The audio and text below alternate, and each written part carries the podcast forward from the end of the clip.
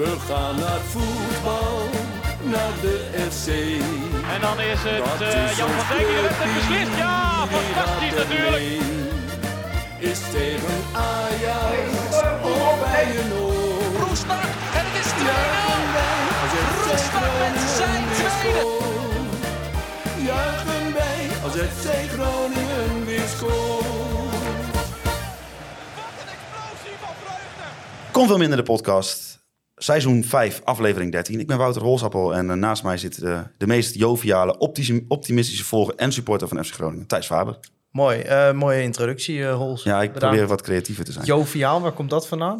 Ik heb je dan cynisch? Ik heb op Google ingetoetst synoniem vrolijk. Oh, en jij, jij vindt mij niet vrolijk dus. Nou, over FC Groningen niet altijd. Voordat we onze nou ja, gast, we zijn bij hem, maar en onze opnamelocatie van vandaag introduceren, wil ik even de nieuwste petje.affers bedanken. Dat zijn deze week Juri van der Veen, Jarek Musters, Dennis Kosters, Stan Jonkers, Carlo Elsinga en Rick Wildhoff. Bedankt voor het steunen, bedankt voor het ons miljonair maken. Veel plezier bij de geweldige extra content, content zoals deze week. Aan het eind van de week eh, verschijnt De Maand met Masker. Kijken of Wim er nog een beetje fiducie in heeft. Wil je die podcast nou ook luisteren? Ga dan naar www.conforminder.nl en word KVM-vriend. En als je dat bent, kun je ook in onze geweldig gezellige Telegram-groep. En eh, sinds deze week zit Niels Hilboezer er ook in. Die, eh, die zat betaald al een jaar, maar die zit pas nu in de Telegram-groep. Ja, sommige mensen ontdekken de Telegram groep pas laat. En Ja. dan mis je wel wat. hoor. Ja, dan mis je zeker wat. Ja, want dan gaat het alleen maar over FC Groningen. Hartstikke leuk. En deze aflevering een keer niet vanuit headquarters aan het Paterswoldsweg, maar vanuit, ja, ik weet niet eens of ik het uit mijn strot krijg. Oens, Oens, Oenscherk, Oen, Oen, Oenkerk. Oenkerk is Oenkerk. het in het Nederlands. Dat komt omdat wij te gast zijn in het megalomane kasteel van de clubwatcher van FC Groningen voor Voetbal International, Reon Boeringa. Goedenavond. Reon, welkom, maar ook bedankt voor de gastvrijheid. Jullie ook welkom, jongens. Ja, want het is een beetje moeilijk om jou... Ja, je bent te gast, maar eigenlijk zijn wij te gast. Ja, ik ben thuis. Ja, Ja, ja, ja, mooi huis trouwens. Dankjewel. Ik vroeg mij eh, onderweg naar eh, dit huis af, waarom zou je in godsnaam in Friesland willen wonen? En zeker dan niet in een stad, maar hier nu een uur zijnde is mijn begrip ervoor iets toegenomen. Ja, je krijgt zeg maar iets meer ruimte voor je geld. En, ja, En het is nou vlak bij ja, Leeuwarden nog. En het is vlak bij Leeuwarden. Dus ja, het is eigenlijk best wel, eh, best wel prima. Ja. Eh, er kwamen ook wat vragen voor jou binnen. Ehm, een vraag van Keesje via Twitter. Is het voor Real nog wel leuk om naar de FC te gaan? Natuurlijk. Ja, ik vind mijn werk echt... Ik heb echt in, in de jaren dat ik dit doe nog geen dag dat ik echt met tegenzin eh, aan, aan de slag ben gegaan. Dus ik vind eh, met voetbal bezig zijn... en of het nou slecht voetbal is of goed voetbal... vind ik eigenlijk altijd leuk. Dus nee, geen straf. Oké, en dan kwam nog een vraag binnen die is iets specifieker. Namelijk eh, een supporter van FCM onder het hunebed op Twitter. Hoe smaakte de kebab? Ja, die was goed. Ja, maar die was echt goed. Want eh, nou, ik was dus gisteren bij, bij Emma Groningen. En er staat daar naast de hoofdtribune van FCM, er staat de Izmir Grill. En ik was een paar weken geleden, moest ik ook bij Emmen zijn, was Emmen Heerenveen. En dat was een zondagavondwedstrijd, 8 uur. En toen stond die Izmir Grill ook al echt te walmen. En ik zat daar die hele avond, zat ik van ja, straks, eh, straks is hij voor mij. Alle ja, interviews, interviews en ja, de 10 uur, 11 uur. Dus ja, ik loop er langs, dicht. Dus ja, ik was zwaar teleurgesteld. Dus ja, mijn hart maakte een sprongetje toen ik gisteren, eh, gisteren daar weer kwam. En, en die geur ontwaarde. Ik denk van ja, nu gaat het hem worden. Dus Dus jij- was goed. Was Jij, goed. jij komt daar die persruimte in, eh, ruikend naar de kebab. Nee, het was na afloop. Oh, het was na afloop, na, na, na, na de wedstrijd, na de interviews, ja, toen was hij nog open. En eh, toen ben ik eventjes geweest. Het Je stond, echt, eh, eh, je stond niet wormoed met, met knoflooksaus aan te gapen, zeg maar. eh. Nee, nee, nee. Ik, ik, heb het, ik heb het mooi na afloop gedaan. Maar hij was echt goed. Je hebt van die... ja, het wordt nu heel specifiek gelijk. Mag, maar hoor. Ja, je hebt zeg maar in mijn ogen twee soorten kebabzaken. Je hebt van die zaken waar ze het zeg maar eh, gewoon met een, eh, met een mes eraf snijden. Ja? Maar je hebt ook van die schuurmachines. Ja, ja, ja. Ja, en dat is, het, dat, dat- Ja, ja, ja. oh, dat is echt het goede werk. Ja, dat je echt van die repen vlees eraf krijgt. En, en, Ja, en, ga dat, en dat had deze. Daar hou ik heel erg van. En lekker ook. Nou, ik- ja, goed. Maar wat ja. had je, durum of een broodje? Gewoon broodje. Of, ja. Ja, Ja, ja. ik ben van de durum altijd, vind ik lekker. Ja, vind ik ook goed, ik ja. vind op zo'n broodje doen ze altijd zo enorm veel vlees. Dan heb je echt zo- zo'n homp heb je dan. Ja, Doerum, Doerum eet wel goed. Waar gaat het over? Maar Doerum eet wel goed. Dat is ook als je gewoon Ja. even aan het lopen bent, je hebt die en Maar ik dat- vind ook, bij, ik, Ja. ik woon vlak bij een, ik, ik woon vlak naast een kebabzaak. En eh, al- als ik dan van het stappen terugkom, dan loop ik daar ook langs. Ja, Ja. Het, is, het is alsof het ervoor Ja, gemaakt het is gewoon een fuik eigenlijk. Ja, ja, en ik moet zeggen, ik sla hem ook nog wel eens over. Maar, maar, maar als ik dan soms, dan, want ik ben niet zo'n nachtelijke eter na, het, eh, na het drinken. Dat zou ik niet zeggen. Nee, Jij, jij wel trouwens. Ja, ik ben wel nachtelijk eten. Ja, Ja, ja, ja, ja, maar ik, ja. Ik, ik hou daar dan niet van, want dan Ja. word ik misselijk. En eh, ik weet niet of dat dan van de kebab is, maar het, het helpt in ieder geval niet. Nee, ik zit, Ja, Maar, ja. maar, maar ik ben wel echt van de durum, want ik vind dat dan even lekker, een beetje een lichte hap. Het is wel heel vet, hè, zo'n Doerum, zo'n tortilla. Er zit heel veel vet in. een broodje is wat dat betreft eh, minder Ja, maar de, op, op Durum doen ze dus minder vlees dan Ja, op een ja, broodje. ja, en ja. ik vind het vlees is het probleem. Die tortilla is niet het probleem. Ja, ik maar je, gaat toch juist voor het vlees? Dat is toch... nee, nee, Ah. want ik vind kebab eigenlijk niet zo heel lekker. maar het is, het is, wel, het is wel een goede, goede Ik nachtelijke denk wel, als je voedsel hebt, zeg maar, de geur ten opzichte van wat je uiteindelijk krijgt, dan dat is wel echt bizar. Want ik fiets altijd vanaf het uh, Gedempte Zuiderdiep, waar onze stamkroeg uh, Proeflijke Hoge zit, langs de Steentilstraat, voor de Groningers onder ons. En daar zit ook een kebabtent op de hoek. Daar heb jij ook je broodje gehad na onze avond. Ja, ja, ja, ja. En die geur die daarvan afkomt. Ja, ik, zeg, ik zet dan mijn neusvleugels wagenwijd open. Ik vind het Ja, zo maar ik lekker. heb, ik Zo heb lekker. vlak voor mijn huis heb ik echt een gevaarlijke combi. Want ik heb namelijk de nachtwinkel en de kebabzak zitten naast elkaar. Allebei op 10 meter van mijn huis. Dus Ja. ja, dat, ja maar als je dan terugkomt van het stappen... Maar er zit ook eh, een dat- boekenwinkel onder jouw huis. En je leest ook niet elke dag Nee, boek. nee, nee, maar eh, als maar je het- gedronken hebt, heb ik meestal niet zo zin in lezen, maar wel zin in kebab. Dus, maar maar het- het grote- daarom het is grote een gevaarlijke van- Mm. combi. Want als je dan denkt, ik sla de kebabzak over, maar dan loop je de nachtwinkel in. En ja, het is ook niet alsof je naar de nachtwinkel gaat voor een, voor een fruitsalade. Ja, maar het grote geluk ook van zeg maar, in een dorp wonen waar verder gewoon niks gebeurt. Er is hier ook geen thuisbezorgd. Ja, tenminste, die is er wel zeg maar, tot een uur of acht. Dat heet thuisbezorger. Ja, maar- maar niet, maar ik ben echt Hoe noem je iemand- dat in het Fries? Thuisbezorgd? Geen idee. Nee, maar als ik, als ik, als ik gewoon, eh, laten we zeggen, in de stad zou wonen, zou ik echt gewoon twee, drie keer in de week ook gewoon na het avondeten gewoon nog best wel wat kunnen bestellen. Ja. Maar hier doe ik dat niet, want er mogen geen niet zijn. En ja, dat is wat dat betreft ook wel prettig. Dus als je het dan toch hebt over de voordelen van, ja, waarom ga je hier wonen? Nou ja, je kunt niet in de fuik zwemmen. Hoe kwamen we hierop eigenlijk? Nou, dat... eh, de dat- vraag van eh, onder het hunebed. onder het hunebed. Ja, er waren meerdere trouwens. hoor. Meerdere mensen die hier naar vroegen. Ja, Dus, Ja, dat, is eh, echt, dat is echt uitstekend. ja. Ik moet zeggen, voor stadionvoer is het echt boven gemiddeld. was Ja, en ik Ja. moet heel eerlijk toegeven dat elke keer als ik de kans krijg om die foto van jou op de fiets van Maarten met een zakje kebab in je hand weer te, mogen, te kunnen posten, zeg maar, met, met reden, dan vind ik dat ook weer heel leuk. Volgens mij is Hasret zonder schuurmachine. Volgens mij snijden die. Echt waar? Volgens mij wel. Nou, in mijn herinnering niet. Waarom kijk je naar mij aan? Nou, ik, eh, omdat wij samen dat weten. Oké. Dus gedeelde kennis. Oké, we gaan het hebben over een wedstrijd tegen Emmen, maar daarvoor gaan we het nog even hebben maar over... die was zo saai, dan kunnen we beter over de kebab gaan tegenstander van de week. Want eh, daar zat Niels Dijkhuizen in, die toch eh, met regelmaat het bloed onder de FC Groningen nagels weet weg te halen. Door in de FC Emmen podcast over FC Groningen te beginnen. Ehm, dat viel alleszins mee. Thijs, hij bleek niet de eikel te zijn waarvan we eigenlijk hoopten dat hij was. Nou, het viel me inderdaad wel mee, ja. Maar ik moet zeggen, mijn, mijn hele leven werd ineens gedomineerd door Niels Dijkhuizen. Want nou, ik had dus op vrijdag had ik dus die, die podcast van jou geluisterd met Niels Dijkhuizen. Ik kom zaterdag bij ACV, waar ik in het weekend te vinden ben, het veld oplopen. Wie staat daar op het veld de aanvoerder van ACV te interviewen? Niels Dijkhuizen. En dan zondag moet je naar Emmen en dan speel je tegen de club van Niels Dijkhuizen. Ja, mijn, mijn leven is echt... eh, ik heb vandaag voor het eerst niet aan Niels Dijkhuizen gedacht en nou begin jij er weer over. Jij hebt Niels Dijkhuizen ontmoet, denk ik, hè? Ja, natuurlijk. Ja, Niels Duikhuis is, ook, eh, is een collega. Ja. Ja, ja, ja. ja eh, is, het echt, is, is hij in het echt ook zo aardig? Zoals hij tegen mij deed in de, in de podcast achter de betaalmuur? Eh, nou ja, Niels Dijkhuizen is een eh, collega die niet gebukt gaat onder een eh, gebrek aan bescheidenheid. Dit zal ik even uitknippen en naar hem Ja. toesturen. Wat bedoel je daar precies mee?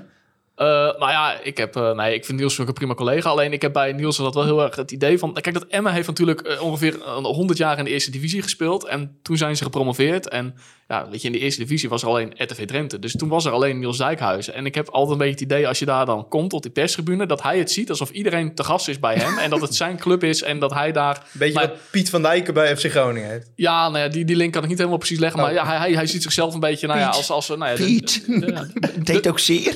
de, de baas, de baas van de perstribune, maar prima vent verder. Ja, ja, ja, ja, ja, maar ja. dat vindt hij zelf volgens mij ook wel. Oh, deze podcast gaat helemaal ontsporen, joh. Nee, nee, nee, helemaal Pak niet. het eens Valt op, presentator. erg Ik kreeg trouwens eh, kritiek, eh, wel uit in, zeg maar in eh, eh, interne kringen, namelijk Jeffrey, die met ons mee was naar Barsinghausen. Die zei gisteren tegen mij, toen we in proeflokaal Hooghout zaten, zei hij tegen mij... Ga je er eh, morgen wel een beetje structuur in aanbrengen? Want ik vond het een beetje rommelig de vorige keer. En toen zei ik nee. Nee, nou Dat ja. is niet mijn Ah, kwaliteit. dat was de vorige keer wel rommelig. Daar heeft Jeffrey wel gelijk. Ja. FC Groningen speelde in eh, Emmen op de Oude Meerdijk 0-0 gelijk tegen Emmen. Dus ik hoef geen doelpuntenmakers eh, te noemen. Nee, Jij was erbij, Thijs. klopt. Door een luisteraar, hè? Eh, ja, maar dat had ik vorige week Ja. toch ook al verteld. Ja, maar ja, Dus toen, wist ik- je ik- niet, toen wist je niet of hij luisterde. Nee, en hij li- liet weten dat hij Ja, luisterde. ja. Dus eh, Jan, bedankt. Nee, ik had me verslapen voor de kaartverkoop in eerste instantie. Maar eh, ik kon gelukkig via via mijn kaart nog om laten zetten. Dat ik, want het gaat altijd wat lastig, omdat je dan wel allebei uit de loyaliteitsgroep moet komen. Eh, maar dat was gelukt. Dus ik had maandag, was ik hartstikke blij met mijn kaart. En toen werd ik woensdagochtend wakker. En to- toen eh, zag ik een aantal berichtjes in de Telegram groep voorbij Oh, ja. komen van mensen die gebeld waren dat hun kaart weer was ingetrokken. Want eh, ja, er is iemand die bij FC Groningen, eh, ik heb uit betrouwbare bronnen vernomen, echt een fors salaris verdient om de ticketing te regelen. En die is blijkbaar niet in staat om één keer per week het juiste nummertje in te voeren. Dus daarom heeft FC Groningen 42, 52 kaarten te veel verkocht. Nou, dat is tot zover de kritiek. Vind het ook een raar getal, 52. Ja, maar nu de complimenten. eh, ze hebben het goed opgelost, de Ja. compensatie. Want kijk, dit kon je niet goed maken, deze fout. Want het is gewoon heel erg dom. Want het is gewoon mensenwerk, zeg maar. Het is gewoon een nummertje intypen en op enter drukken. Kan ik me zo voorstellen. Ik ben er niet in thuis. Maar ik denk niet dat hij zeg maar elke kaart eh, uit het printen moest halen... en die klaar moest leggen op de website, zeg maar. Ehm, dus het was gewoon heel dom. Maar ze hebben daarna het wel goed opgelost. Dus Ja, want die eh, mensen die mochten eh, bij de club komen de wedstrijd kijken. En ik zag op de foto die je kreeg allemaal versnaperingen in de Ja, vloeibare dus, zin, maar ook in vaste zin. Dat hadden ze goed gedaan. Een, en die mensen krijgen allemaal een kaart voor Heerenveen uit. Gratis. Dus, Moeten ze, en dat is ze ook wel, waarschijnlijk wel weer in de bus. Als dat een verplichte buscoming wordt, zelfs dan krijgen ze een gratis Ja. kaart. Ondanks dat het Groningen dan best wel wat geld kost natuurlijk om dat voor 52 mensen aan te bieden. Eh, dus dat, hebben ze goed opgelost. Ja. Want Heerenveen uit is ook een wedstrijd waar moeilijk kaarten voor Maar dat triggert zijn. wel, hè, zoiets. Om heel boos te worden eerst, in de eerste instantie. Ja, je denkt van, wat zijn dit voor amateurs? En dat is ook wel een terechte reactie, vind ik. Ja. Ze hebben het dan wel goed opgelost, maar het is in eerste En, instantie eh, wel vrij dom. Als jij je had ingesmeerd met boter, dan was jij waarschijnlijk gebraden uit het uitvak gekomen. Het was daar bloedverziekend heet. Ik weet niet, jij zat op die perstribune, maar... Ja, ik kwam binnen, ik had mijn, ik had mijn vissershoedje op, die, die groen, dat groen-witte vissershoedje. Dat moet je echt een keer zien. Nou, en, en ik had gewoon, ik had wel mijn zomerjas weer aangetrokken, want ik, ik was twee weken geleden al op de winterjas overgegaan, maar ja, dat, dat dacht ik, nou, volgens mij hoeft dat niet. En, en ik kom dat vak binnen en eh, een paar van eh, onze vrienden waren er al en die stonden daar allemaal in een t-shirt. Ik denk, die zijn knettergek. Maar na drie minuten had ik ook mijn, eh, mijn hoedje weer afgezet en mijn, mijn jas uit. Ja, het was echt top weer. Alleen ja, op de perstribune zaten wij in de schaduw. dus zo, eh, zo zomers was het bij, bij Maar ik heb maar echt was tot, echt tot fantastisch. minuut Klopt, ja. 85 in de zon gestaan. Lekker. Het was een soort, een soort lenteavond, middag, Ja, ochtend. Hup, eh, klimaatverandering, zouden we zeggen. Dat wilde ik niet zeggen, maar Ja. het was wel lekker. Ja, nee, het moment- snap ik. het is bijna november. Dus eh, Hoe was de away day verder? ja, en maar uit. Ik vind altijd het vak wel, eh, wel leuk. Je hebt wel op zich wel goed zicht, vind ik. Ja, wij stonden dan een beetje tegen die wand aan. Daardoor zag je maar de helft van het veld. Dus ook niet zo erg. Want Nou, Groningen de ging helft van toch niet scoren. Maar, Ja. maar nee, dat- dat- ik vind het altijd eh, prima. Ik ben daar wel... eh, nou, er is gefouilleerd. Je hebt wel eens dat je in een stadion komt en dat je gefouilleerd wordt. En dat je denkt, nou ja, als ik nu een, eh, nou, zeg maar een, een middelgrote fruitschaal in mijn broek wilde meenemen, dan was het gelukt. Maar Bij Emmen was dat niet was nu, nou, ik stond zelfs met het doosje van mijn AirPods open te klikken. Oh ja, nou, dan moet je wel- altijd, daar word ik zelfs zo chagrijnig van. Dus ik vraag die mevrouw, ja, wat kan ik daar nou in doen dan? En toen zei ze drugs. Hm. Dus, Dat is een behoorlijk eh, rigoureus eh fouilleren inderdaad. dus ik heb die, die, mijn AirPods. Ja, dat klopt wel. Hier past nog drugs bij. Ja, maar ik denk dan, ja, moet maar ik... als je dat dan zou willen, dan ja, ja, je, je hoeft ook niet je onderbroek toch- uit te trekken. dan stop- ja. ja. nou, ik moet zeggen... de- Oké. nou, ik, ik zeg niet, maar... Vandaar de- dat je het zo heet. Dat nee, maar de- er is echt rigoureus gefouilleerd. Mm. Dat is echt... eh, ja. Ja, en dus ook het AirPod-doosje. Maar dat gebeurt bij FC Groningen ook wel eens. Maar ik vind het altijd bijzonder dat, zeg maar... Ja, dat je... Ik zou juist zeggen, je brengt mensen op ideeën. Ja, dan, eh, eh, ja, wil je je zakken leeghalen, zei ze. Ik zeg, ja, is goed. Dus ik, eh, zo, ik had mijn AirPods allemaal vast in mijn handen. Portemonnee, sleutels, alles. Ik zeg, ja, kun je dat doosje even openmaken? Ja, ik word er altijd toch een beetje recalcitrant van. Dus dan ga ik ook vervelend zeggen van, ja, wat kan ik daar nou in stoppen? Nou, zij zegt meteen drugs. Toen, ja, dan ben je ook uitgeluld. Ja, ik heb al precies hetzelfde. Ik kan ook niet zo goed omgaan met dat soort eh, opgelegde autoriteit. Daar Nee, ga ik ook, daar maar ga ik ook redelijk ja. slecht op. Ja. Vandaar dat jij op de perstribune gaat zitten. Ja, hoef je daar je, je tas niet open te maken? Nee, we hadden maar nee, t- tien dagen geleden doet mij denken. Wij waren op vakantie geweest en we kwamen terug. En eh, ik had de auto opgehaald en eh vrouw en kinderen wilde ik eh, inladen in de auto. En toen kwam er een mannetje heel streng tegen mij zeggen dat ik daar niet mijn kinderen mocht inladen. En op een hele slechte toon. Ja, dan word ik ook heel recalcitrant en vervelend. En, ja. Ja, krijg je zo'n gesprek. Moet Maar- ik eigenlijk niet doen. Maar, ja, maar jij, jij, jij loopt naar buiten bij Emmen en dan zegt zo iemand, eh, zijn steward tegen jou, ja, mag ik jouw tas even zien? Dus die doet die tas open, gewoon tien van die aluminiumfolie rollen dan eh, van Ismir in de tas zitten. Voor in de diepvries thuis. Ja, ja. Voor onderweg eh, terug naar Jubbe Jubbe gaan, waar zijn we hier ook alweer? Lekker man. Ja, nou ja, wij hadden het net nog aan de grenscontrole. Mm. Nou, Dus, Hols, pak maar even door. In de eerste helft eh, ging het eigenlijk, zou je kunnen zeggen, in eh, vlagen eh, gelijk, bij elkaar, gelijk op. Emma wat kansjes, Groningen een hele grote kans. Ehm, op beeld, ik keek het op beeld, vond ik de eerste Ja, helft... maar keek je het op beeld? Ja, ik keek niet. Jullie hebben het allebei met eigen ogen gezien. Ik heb het via een scherm gezien.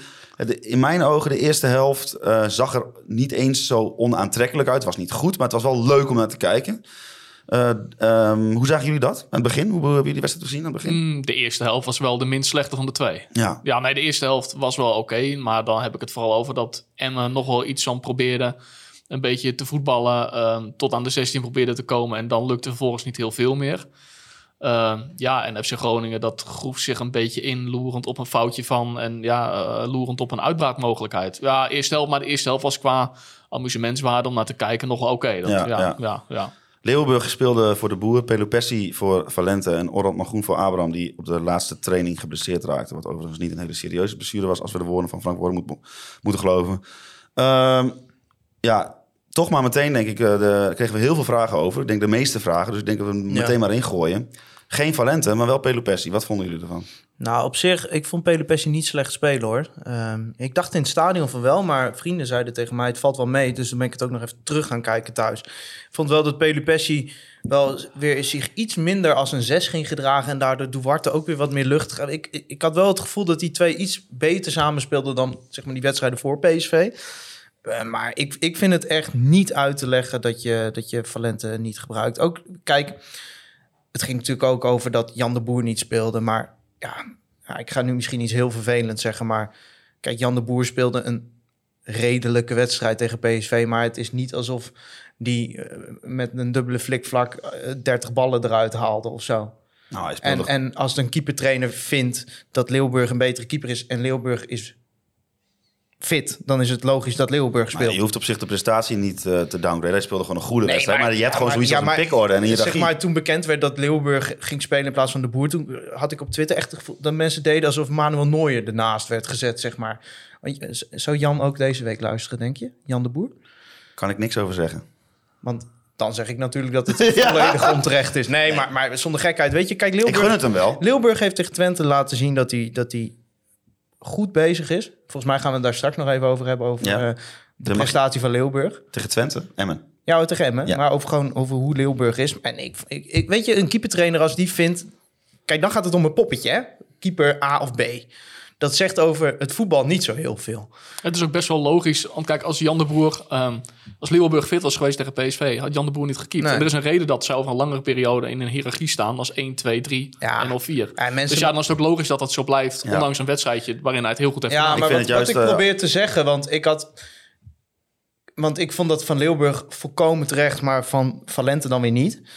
Maar het punt wat ik probeer te maken, je kiest een keeper is een popje A of B. Dat zegt niet extreem veel over de manier waarop je gaat voetballen. Het zijn allebei geen briljante voetballers, Leeuwburg en de Boer niet.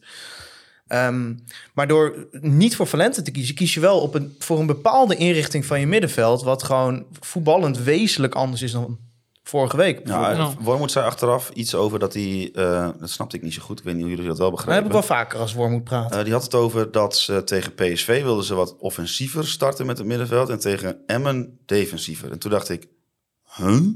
Ja, dat was inderdaad de uitleg. Ik begreep dat ook niet heel goed. Maar wat ik er vooral niet zo goed aan begrijp is... ehm, Joey Pelopessi is je aanvoerder. Dus op het moment dat je die twee wedstrijden op rij passeert... dus dat was tegen Dordrecht zo en eh, dat was tegen PSV zo...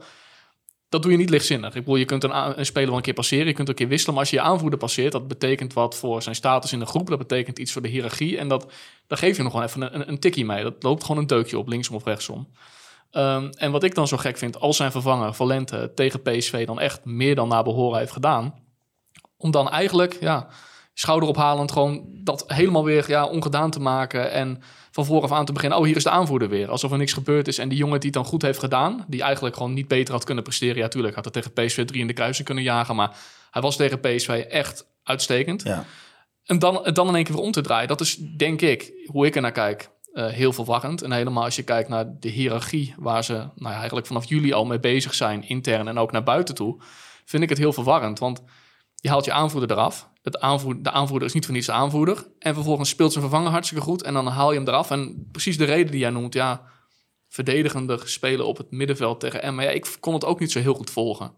Dus ja, bij mij heeft het ook heel veel vraagtekens opgeroepen waarom dit nou precies zo is gegaan. Ja, en, en ik vond dat je het in de wedstrijd... Kijk, wat je nu niet moet gaan doen, eh, vind ik, omdat dat opportunistisch is... is dat je nu gaat zeggen van, nou, dit en dit ging niet goed... omdat Valente niet speelt. Dat vind ik altijd onzin. Maar je ziet wel in bepaalde opzichten... dat het bij het versnellen van het spel... dat het af en toe op het middenveld wel echt aan schort... en dat Valente een type is die dat gewoon aantoonbaar tegen PSV heel goed deed. Naar voren denken, het, tempo in het spel brengen. En met uh, Pelopessi en Duarte speel je toch wat conservatiever wat dat betreft. Ja, en je hebt jonge spelers die toch altijd nog een soort van uh, onzekerheid in hun spel hebben. En dan is het argument, ze zijn jong. En je hebt jonge spelers die een bepaalde onbevangenheid in hun spel hebben. Nou, heb het over Valente in mijn, in mijn optiek. En ik vind juist dat Groningen af en toe wel wat onbevangenheid kan gebruiken. Ja, zeker en, op het middenveld. En dan moet er nog bij komen dat je hem gewoon niet gebruikt. Dat je hem naar zo'n prestatie tegen een van de beste clubs van Nederland... tegen een Sangaré op een middenveld... een van de beste middenvelders van de eredivisie... Zo'n prestatie. En dan moet er nog maar even bij komen dat je hem gewoon een hele wedstrijd niet gebruikt. Terwijl je wel uh, een dankelui op linksbuiten zet, wat helemaal geen linksbuiten is. En dan breng je dat gebakje er weer in uh, Loentvis. ja, maar dat is ja, toch niet uit te leggen oh, oh, aan zo'n speler, joh. Je hebt goed getraind, hè? Ja, maar stel je bent Valent, hè. Jij bent een jonge speler, jij mag mee in de voorbereiding. Dat was al bijzonder. Nou, je maakt stappen. Iedereen binnen de club zegt ook, jeetje, wat is die stap aan het maken? Tegen PSV speel je de pannen van het dak tegen een hartstikke moeilijk middenveld. Vergeet Dordrecht niet. Dordrecht speel je goed, maar goed, dat is dan Dordrecht, prima. Maar hij deed het wel goed. Uh, hij was tegen Twente, vond ik hem helemaal niet goed, Valente. Maar in ieder geval, kijk, je ziet gewoon, hij brengt iets in dat middenveld. En dat je dan naar zo'n prestatie, hè, je zit een beetje op die roze wolk. Iedereen vertelt je, oh, wat was je goed. En dan de volgende week speel je tegen Emmen. Daar zie je een, een FC Groningen, zeker in die tweede helft, dat niet aan voetballen toekomt. Jij bent een speler die dat zou kunnen veranderen.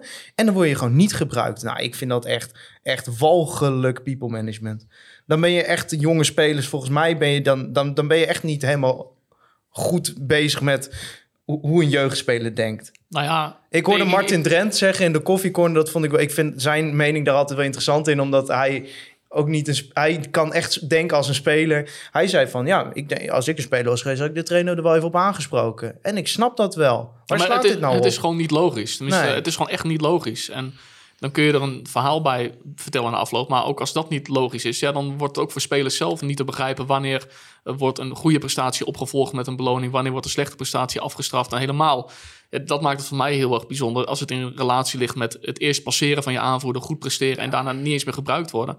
Het is gewoon niet logisch. Het is, het is van buitenaf.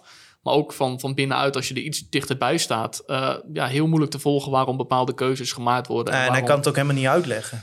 Nou, Kijk, want wat ik bij, bij vorige trainers had, ik vond uh, Danny Buis er altijd wel sterk in, maar bijvoorbeeld ook Faber, die kon dat ook wel. Ja, die maakte genoeg fouten. Dat was een waardeloze trainer zelfs. Wel een aardig vent trouwens. En leuk dat hij het goed doet bij PSV. Ja, want je zegt een waardeloze trainer, dan klinkt het meteen zo zwaar. Maar ik vond het gewoon niet zo'n goede trainer. Maar die konden altijd wel hun keuzes nog uitleggen beetje, of zo. Hij heeft nog wel een beetje gevoel bij onze Thijs. Ah, het komt door de achternaam van Ernest. maar maar um, uh, zeg maar, zij konden hun keuzes altijd nog wel uitleggen. En bij Voormoed, er is geen pijl op te trekken, joh. Ja, ik nou. heb ook het idee dat de taalbarrière hem daar Nou, niet mee helpt. is ook Want wel- ik, ik heb heel vaak het idee dat je hem een concrete vraag stelt... en dan komt er een, een heel wollig antwoord. En ik heb niet zozeer eh, altijd het idee dat dat komt... dat hij geen concreet antwoord wil geven... maar dat hij niet de woorden tot zijn beschikking heeft... waarmee hij concreet duidelijk kan Nou. maken wat hij bedoelt. En dat maakt het af en toe een soort van los in Ah, en hij is translation natuurlijk vrij, vrij spiritueel al vanuit zichzelf, zeg maar. Hij is Ja, best wel maar, zweverig. maar, maar zo, zoals gisteren dat, dat interview waarin hij op een gegeven moment eh, nou ja, toelichtte waarom Lundqvist dan was ingevallen. En, eh, Ja, ik, en- kan, en- ik kan even iets quoten. ja, We hebben ook andere spelers, zoals Ramon Loenkvist, die zich de laatste weken uitstekend manifesteert. Ik wilde aan hem het signaal afgeven dat hij nog altijd in beeld is. Ik hoopte dat hij in de laatste 20 minuten misschien iets kon forceren. Maar achteraf moeten we vaststellen dat het een typische wedstrijd was voor een gelijkspel. Maar, maar we spelen toch niet in de voorbereiding tegen Osasuna?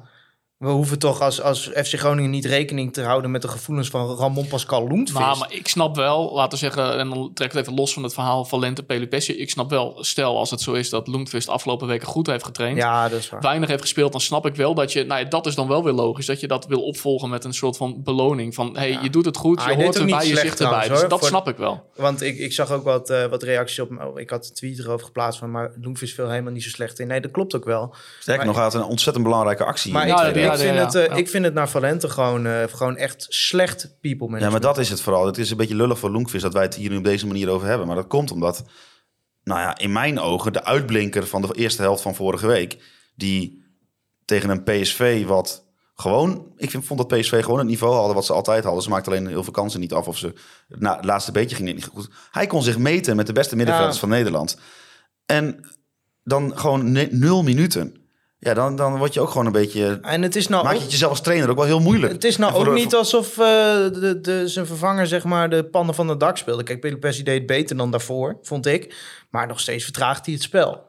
Ja, maar het is voor twee spelers Nou. creëert het onduidelijkheid. Want zowel Pelupessi als Valente weten nu niet wanneer, eh, laten we zeggen, prestaties beloond worden of wanneer prestaties niet beloond worden. Dus je hebt nu twee spelers in de situatie zitten van, hey, ik speelde wel en hij speelde niet, maar waar komt dit door? En wat gaat dit richting volgende was, week weer er was iets wat ik wel zag. En volgens mij was eh Pelupessi, die eh, ga- gaan we even over weer op dat onderwerp. Pelupessi die stond een beetje links van eh, Duarte met name. En Duarte die werd, speelde toch eigenlijk vooral wel als enige zes. Door Pelupessi speelde wat hoger.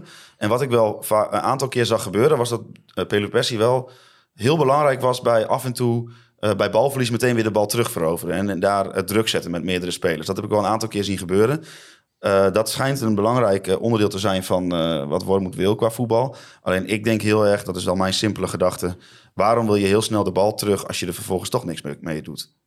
Ja, nou, het idee is om vanuit de omschakelmomenten counters gevaarlijk te worden. Ja, Ja, Dat, dat, is, wat- het, dat is het idee. Ja, maar ze, ze, die, die, die eh, momenten dat ze de bal terugveroveren is vaak, nou ja, bijvoorbeeld in de zone rechtsachter bij Mhm. Emmen. Of links, of linksachter, Nou, ik weet heb je wel. hier de data niet op nageslagen. Maar Nee, ik denk, maar ik dat denk zijn- dat beide momenten dat Groningen de bal snel veroverde... dat de bal in, in 80% van de gevallen binnen drie bazen weer bij Mike de Wierik was. Ja, dat vind ik altijd. Ik, ik snap heel goed wat ze. hè, Dat is dat eh, wat Liverpool dat die eerste jaren met Klopp altijd deed. Dat je meteen de bal veroverde en in drie pasen stond uh, Salah voor de goal. Maar zeg maar, eh, ik zie nu dat het terugveroveren van de bal dat dat lukt. Maar aan de bal, ik heb geen idee waar ik naar zit te kijken. Nee. Nee. Ik wou een tweet maken, maar ik, heb al, ik, ja, ik, hou, me, al- ik hou me altijd in. Dat lukt Thijs het ook steeds vaker tegenwoordig. Ik wou een tweet maken of Orhan Magroen alsjeblieft de dozen om zijn schoenen weg zou willen halen. Ja, ik vond Orhan Mangoen, die was natuurlijk vorige week tegen PSV... had hij op een gegeven moment die briljante actie met Ja. een goede voorzet. Maar ja, je ziet wel nu in deze wedstrijd... zie je een beetje wat de kritiek op hem altijd is geweest. Het is eigenlijk geen aanvaller. Is, Ah, het, is het niet is- gewoon een middenvelder? Is het ook? Het doet mij een beetje denken aan, eh, niet dat eh, Steven Berghuis geen aanvaller was, maar hoe Steven Berghuis bij Ajax nu middenvelder speelt. Dat is voor mij Orop Magroen ook wel zo- Ja, maar hij is dan daar weer niet goed genoeg voor om een Nee, van die precies. middenvelders uit de basis Dat te klopt krijgen. inderdaad. Kijk, je zou kunnen zeggen van ja, moet je hem dan op 10 gaan zetten, maar daar is hij eigenlijk ook niet goed genoeg voor. Maar ja, hij, het is niet een speler die de bal krijgt en meteen vooruit. Kijk, Engonge die speelde een vreselijk slechte wedstrijd, want die speelde alleen maar voor Engonge. FC Ngonga was, eh, Ja. het was trouwens eh, FC Groningen tegen FCM en met FC Ngonga Ja, erbij. want, want die, maar die heeft wel nog, nog die, die drang naar voren of meteen de bal naar voren aannemen. Ja. Maar ja, Orad Magroen mist ook die verfijndheid. ja, Ja, die terwijl die wel echt een hele goede dribbel heeft. Ja, hij heeft van sommige dingen, ja, van een aantal dingen heeft hij wel redelijk, alleen blinkt alleen nergens in uit. Ik denk wel dat het een aanvaller is. Alleen een Ja, maar- buitenspeler, ja, Ja, maar hij heeft zo vaak dat bijvoorbeeld bij Twente uit heeft hij twee, drie keer in schotpositie gestaan en dan schiet hij gewoon niet. Mm. Want ja, ja, heeft hij dan geen goed schot of zo? Of ja. Ja, hij heeft heel veel. eh, nou, ik vond dus tegen, tegen Emma dat, dat hij heel vaak. De eerste actie was vaak goed, de aanname was goed, of het meenemen was goed. En dan komt er een extra speler van Emma bij. En dan weet hij het even niet meer. Dan is het een slechte Ja, maar als je toch kijkt hoe die, hoe die linkerflank is ingedeeld met, met Meta, die er nog lang niet is. Ortman Groen, wat eigenlijk geen linksbuiten is. je hebt Abraham, Abraham die structureel een, een, een dramatisch niveau haalt. En dan op een gegeven moment zet hij maar Dankelui linksbuiten.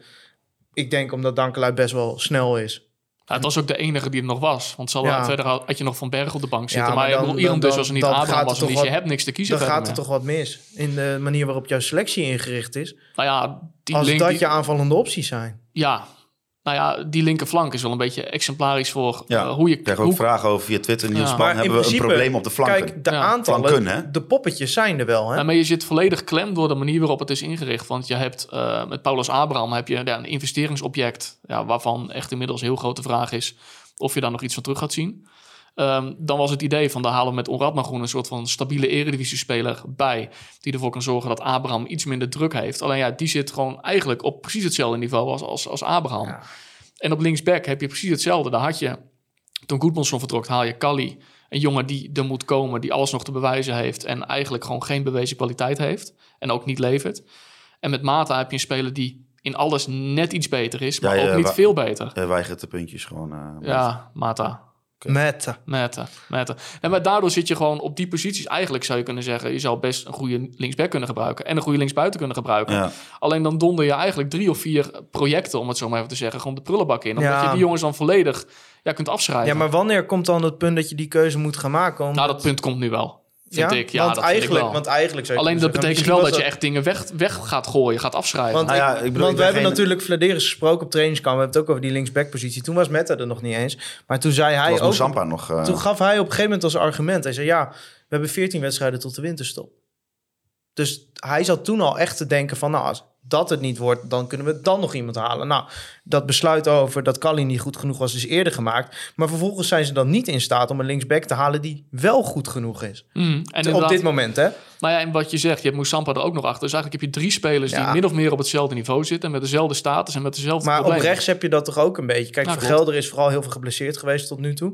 Maar ook toen hij fit was, werd Casemiro, die daar gewoon niet zo sterk is. Tenminste, niet zo sterk als hij centraal is, wordt gebruikt. Nou, Dankelui wordt nu overal maar een beetje ingezet... omdat hij op best wel veel plekken kan spelen. de maar nieuwe Mo El Nkoudi eigenlijk. hè? dat is natuurlijk ook niet een speler Ja. die jou eh, de subtop in gaat schieten.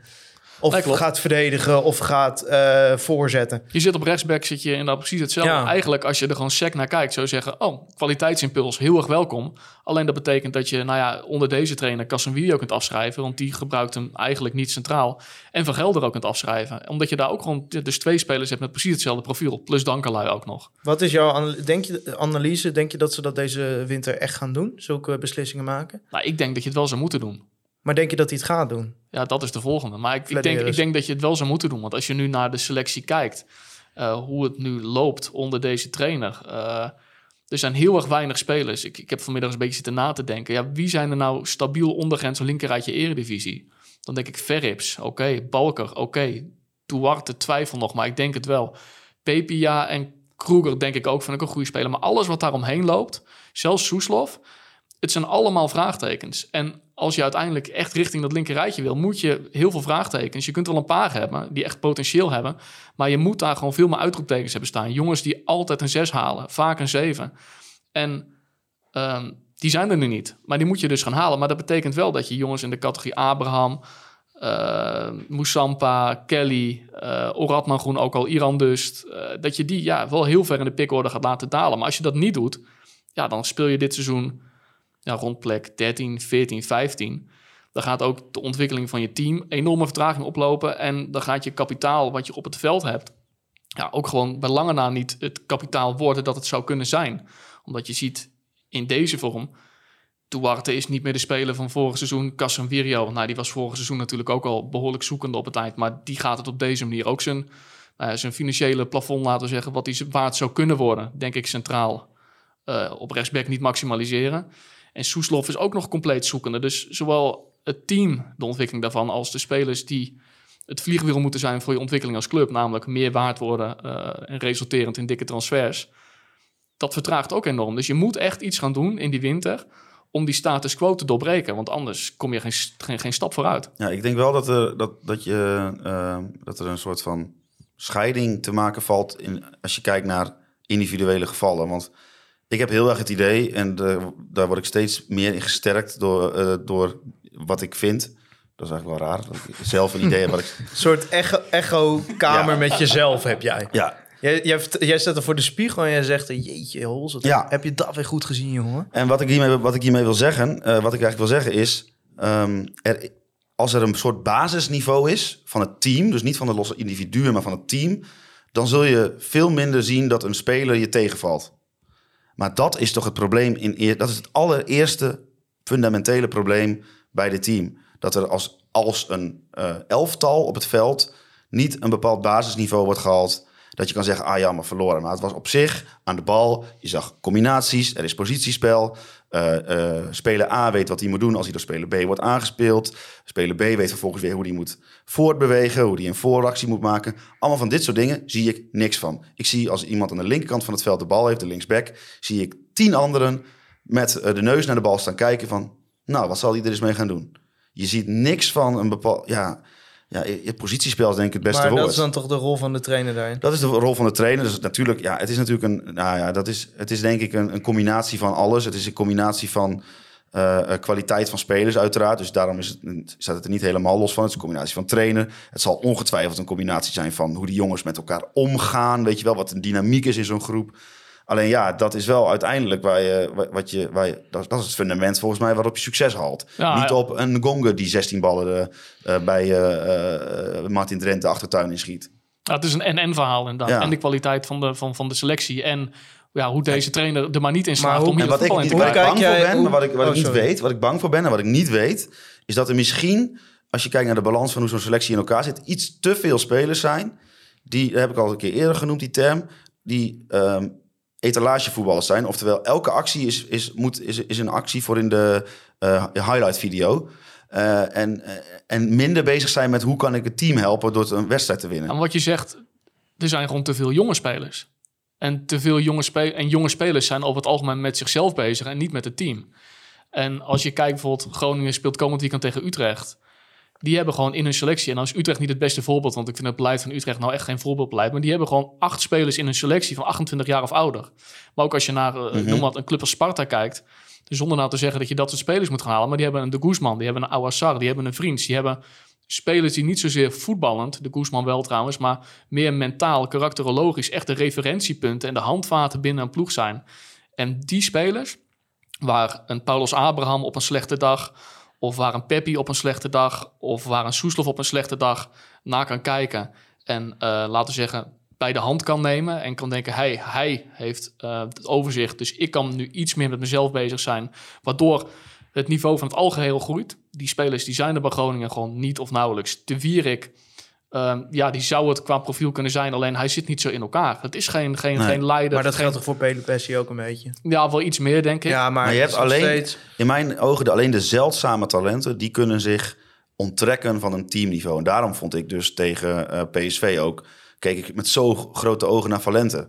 Dat Ja, maar Jurgen Strand Lars was er ook een Jurgen van Lars was er ook een voorbeeld Maar, want van. die ja. Maar dat was een spits, hè? Dus ja, maar die kon niet zijn, zijn medespelers aan zich laten optrekken door zijn eh, ervaring, maar wel door zijn, zijn ambitie en dat hij met het hele team beter wilde worden naast zichzelf. Ja. En dat hoor je ook echt wel dat, dat hij daar ook wel in wordt gemist in dat teamproces. Ja, maar als je kijkt ten opzichte van afgelopen seizoen, natuurlijk, ze hebben eh Pelipessi erbij gehaald. eh Verrips erbij gehaald. Dat zijn twee jongens die nou, de enigszins leidinggevende kwaliteiten en bewezen kwaliteit met zich meebrengen. Maar als je kijkt inderdaad, nou ja, Strand Larsen is niet de meest ervaren speler, maar inderdaad wel echt een kartrekker in dat opzicht. El Hankouri is, was geen, laten we zeggen, geboren leider, maar wel iemand die op een bepaalde manier inspireert door de manier waarop hij elke dag ervoor ging. Nou ja, Michael de Leeuw eh, heb je ook laten gaan. Terwijl ik denk, als je kijkt naar die bezetting gisteren op de bank tegen Emmen, je kon geen enkele aanvaller inbrengen. Omdat Nee. Kroeger, wat denk ik op papier je tweede spits is in de selectie, als team speelt. Dus je hebt eigenlijk gewoon geen alternatief in de spits. En de Leeuw is op een gegeven moment ja, door, door Wormoed min of meer weggejaagd door hem op een gegeven moment. Helemaal in het begin van het seizoen was dat tegen Volendam. Op de tribune te op de zetten. tribune te, te zetten, gewoon vernederd. Van ja, uh, er maar op, daar kwam het eigenlijk op neer. En nu kom je in een fase terecht waarin je hem, en dan heb ik het niet eens over zijn, zijn, zijn, ja, zijn aanwezigheid. Voor de laatste ervaring. 20 minuutjes. Ja, echt als, als, als pinzitter, als optie prima had kunnen, heb, had kunnen hebben. Bart van Hintem was ook geen leider, maar wel iemand die een bepaalde ja, ondergrens haalde als voetballer vaak. Dus je hebt heel veel van dat soort spelers, ben je toch wel kwijtgeraakt, terwijl je er al veel te weinig van had. En ja, en nu zie je dit seizoen, zit je echt af en toe te kijken. Ja, maar het, het is echt Het hoeft ook niet altijd in leeftijd te zitten, Nee, maar zeker meer niet. in type. Want bijvoorbeeld Matosiwa was gewoon 22, 23. Mm. Maar dat was echt een leider. Als je hoort hoe dat, zeg maar, hoe hij zich tot de selectie eh, verhield, zeg ik dat goed? Ja, ja, ja, ja. En, en, en hoe hij ook ervoor zorgde dat andere spelers scherp waren, dat er op trainingskampen professioneel werd omgegaan. Dan hoeft het dus niet per se dat je nu zegt van nou, je moet nu Ruud Vorm halen, zeg maar. Nee, maar heb je 100%, 100% gelijk in hoor. maar je, moet, je Ja, moet op, ja. op, op, op een bepaald type scouten. Ja. Ja. Ja. Maar ik, ik benijd niet degene die dat nu moet gaan doen. Die Nee, nu- want dat is, dat is fucking deze- moeilijk. ja, hè? Want, deed- want want- alle ploegen in nood wordt altijd van gezegd dat dit het probleem is. Dus het is echt niet dat je nu zegt van nou, eh, eh, je zet in de, in de datascouting, zet je even het filtertje leiderstype aan en je trekt er drie aan. Dus zo werkt dat natuurlijk Nee. niet. Nee, maar helemaal in de winter is dat behoorlijk moeilijk. Ja. Als je kijkt, er zijn bijvoorbeeld in, in de zomer, als je dan naar Utrecht gaat, ja, die hebben Viergever binnengehaald, hebben Toornstra binnengehaald, die hadden Van der Hoorn ook al rondlopen, Ja. Kluiber, en Kluiber binnengehaald. En dat kost qua salaris, kost dat echt ontiegelijk veel geld in relatie tot de rest van je selectie. Alleen ik denk wel dat je met dat soort jongens ehm, juist je investeringsobjecten, de Abrahams om het zo maar te noemen. maar wat als je dit zou noemen naar Mark-Jan Vladeris, van dat als voorbeeld? Ah, Wat heb ik zou, wel- wat dat, zou, dat heb ik wel gedaan. ja, maar Ik- wat zegt hij dan? op het nou, Restwaarde. Ja, maar hij heeft, hij heeft gezegd, eh, ik heb hem daar in augustus of september over gesproken. Hij zegt dan inderdaad, dat is het spanningsveld waarin je zit. Omdat de spelers die wij aantrekken zitten laag in salaris relatief. En we zijn wel bereid om daar een, een transfersom voor te betalen. Dat is ons beleid, omdat ze een financiële basis wilden leggen. Ehm, en inderdaad, dat heeft hij ook wel eh, toen gezegd, van we moeten nu die stap gaan maken dat je wat, waarschijnlijk wat hoger in salaris gaat zitten en wat minder in restwaarde. Alleen, ik denk dat je die conclusie rijkelijk laat aan het trekken bent, omdat je vorig seizoen eigenlijk ook kon zien dat je er te weinig van had. Nou ja, dan ben je eh, afgelopen zomer een paar spelers heb je afscheid van genomen. En ja, dan heb je toch al weer een behoorlijk blik aan ja, jeugdigheid opengetrokken. En terwijl eigenlijk dit, deze zomer was een stap Maar geweest, ook aan- om het een nieuwe trainer wat makkelijker te Aan maken. de andere kant kun je zeggen van, als je kijkt naar de, Dat aan de selectie van vorig seizoen. Je hebt een zes erbij met Pele Pessi. Dat was een probleem in het vorig seizoen. Je hebt een rechtsback erbij met Van Gelderen. Nou, dan heb je... Helaas is hij niet fit tot nu toe. Ja, maar ook toen hij Je wel fit een- was, heeft hij gewoon de hele tijd op de bank gezeten. Hè? Ja, maar dat, dat is een keuze van de trainer. Maar Ja, je ja. hebt wel een rechtsback Mhm. optie erbij. Je hebt een optie op linksback erbij. Dat was een probleem vorig seizoen. En je hebt de keeper erbij. Dus eigenlijk, eh, nou aanvallend heb je nog wat meer. Je hebt een alternatief voor Abraham op linksbuiten gehaald met Ortman Groen. Dus je hebt eigenlijk problemen die er waren wel opgelost. Maar de, nou je hebt ze niet opgelost, maar je hebt ze geprobeerd op te lossen. Maar die spelers die je hebt gehaald zijn gewoon niet goed genoeg. Nee, dat denk ik ook. Of die passen niet in het moment dat je nodig hebt. Kijk, Verrips is een goede aankoop. Hm, eens. Maar Van Gelderen bijvoorbeeld, dat, dat- ja, blijkbaar vindt deze trainer hem niet goed genoeg. Nou ja, eh, en eh, Meta is Het niet is goed genoeg. als ehm, deze trainer, die zit dus in Casemiro, geen centrale verdediger. Als je dat had geweten in een eerder stadium, en ik denk dat je dat had moeten weten, daar is dus ergens iets verkeerd te gaan in of in de manier waarop uh, tot die besluitvorming is gekomen, of in de communicatie, dan had je nooit van Gelder aangetrokken.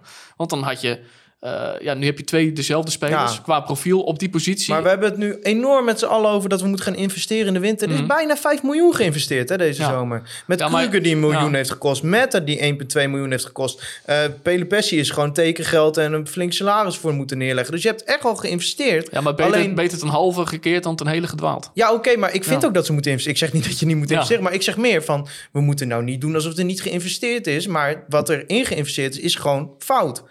Ja, Er zijn gewoon een, een hoop De- foute keuzes de gemaakt. balans klopt niet. En misschien de individuen, dan kun je zeggen... nou, voor Meta is een case te maken waarom je die zou halen. Voor Van Gelder is een case te maken waarom je die zou Ja. halen. Maar in het geheel. Dus ja, wat ik me steeds vaker, zeg maar... als ik gewoon naar het beleid van Mark Vladeris kijk... afvraag van... Hij kan het individu, kan die, hè? hij kan een speler halen, zien, die kan zich ontwikkelen en die kunnen we voor veel geld verkopen. Zelfs voor de Uit- spelers, uitstekend. zelfs voor de spelers die mislukt zijn, een Kali en zo, kun je een punt maken van, oh, dit is slim, want die haal je. En als die zich op die vlakken ontwikkelt, kun je die voor veel geld verkopen.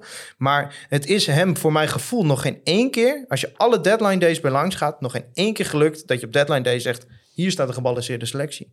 Dus hij kan op individueel niveau kan hij een, een spelerswaarde inschatten. Maar hij, hij, hij kan nog niet genoeg daar het grote plaatje in zien. Van hoe gaat, als ik deze speler hou, hoe gaat dat zich verhouden tot het hele geheel?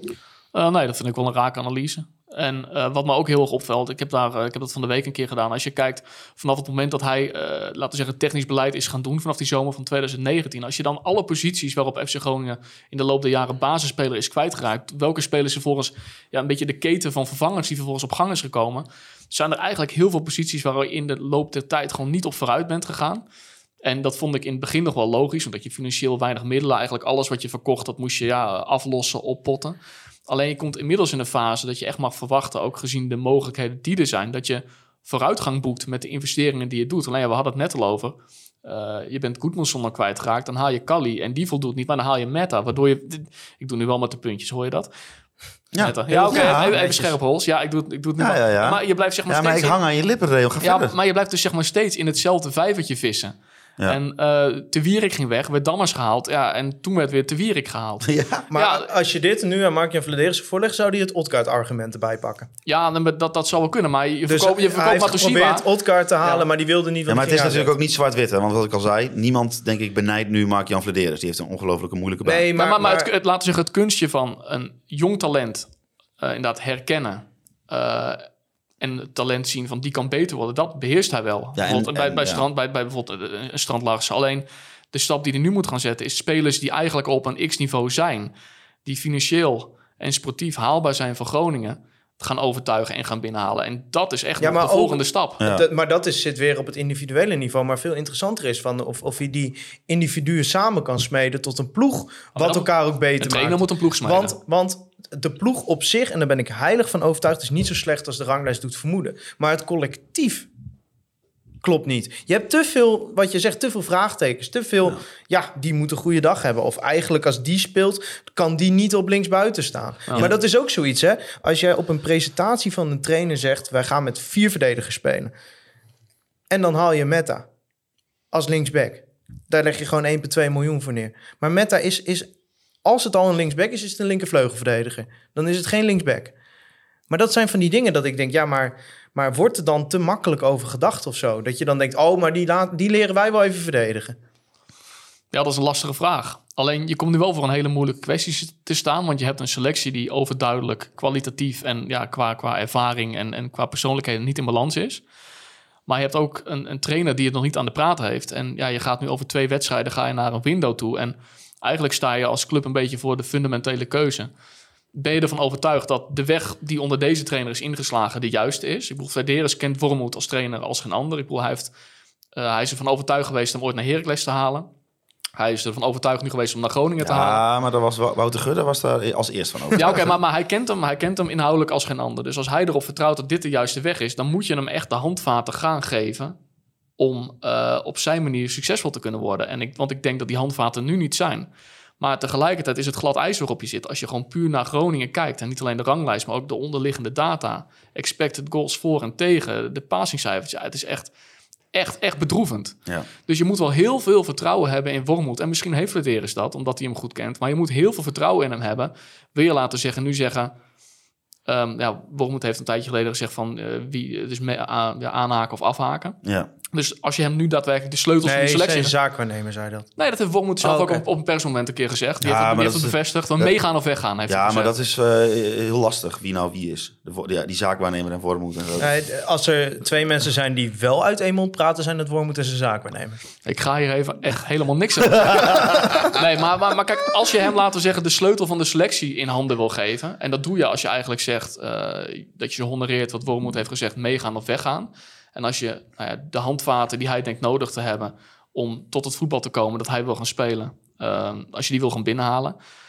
Ja, dan moet je er echt heel veel vertrouwen in hebben. En als je puur naar ja, de, de feiten eh, kijkt die er liggen... ja, dan, dan, dan vraag ik me af... ehm, ja, of je dat kunt hebben. Nou, als dat, is een hele, hele Nou, moeilijke keuze. Ik, eh, spelers kijk, hetzelfde vor- gevoel, vorige eh, week heb ik het even een week niet gezegd. Omdat wij vorige week natuurlijk... eh, nee, je gaat niet nu de bus eraf spelen. Want wij vorige week mochten... Maar ja, ik ben er nog steeds heilig van overtuigd... dat dit niet de trainer voor deze selectie is. Ik denk niet dat Wormoed een slechte trainer is. Ik denk wel dat Wormoed een slechte trainer is voor deze selectie. Nou, ik weet niet, maar als ik hem Ja, maar kijk, hoor als er nou- praten als in nou- interviews thuis, dan vraag ik als, als die spelers ook maar een procent van het gevoel hebben wat ik erbij heb als ik hem hoor praten. Want ik, ik denk echt, waar zit ik naar te luisteren naar deze man?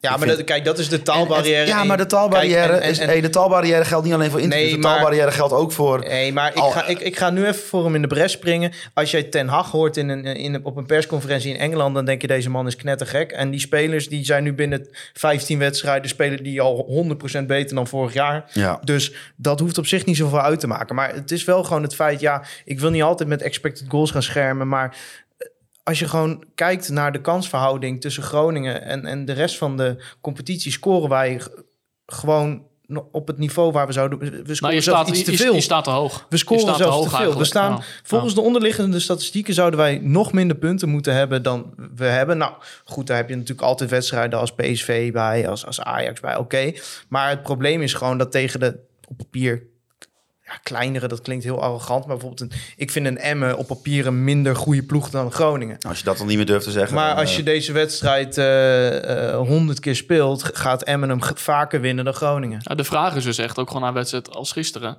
Als je dit soort wedstrijden niet wint. En eh, Emmen is echt gewoon een, echt een slechte team. Ja, die, maar scoren, die scoren nooit. Maar waar, ga je, dan, dit waar ga je dan de punten pakken? Ja, maar ze koesten een punt Ja, op een gegeven moment. Ze Ja. koesten maar een punt. En kijk, wij hebben altijd, als supporter zeg je altijd, punt in een uitwedstrijd is in principe altijd goed. Hmm. En als je niet kan winnen, dan maar niet verliezen. Maar eh, je mag toch wel iets meer Ja, maar er is, er is ook een beetje een, heel gek beeld nu aan het ontstaan. Want je kunt dan inderdaad... eh, kijk, Emma uit, dat oké, dat, daar kun je nog wat...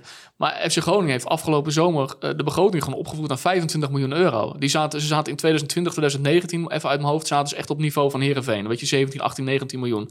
Er is echt, de afgelopen drie jaar zijn er financieel zulke stappen gezet. En daarvan is ook het spelersbudget opgevoerd. En als je dan nu ja, in, in een soort van realiteit komt waarin ja, de trainer zegt eh, van ja, tegen het linkerrijtje. En die uitspraak kwam ook niet helemaal lekker, maar dat, hij tegen het linkerrijtje maken we niet zoveel kans.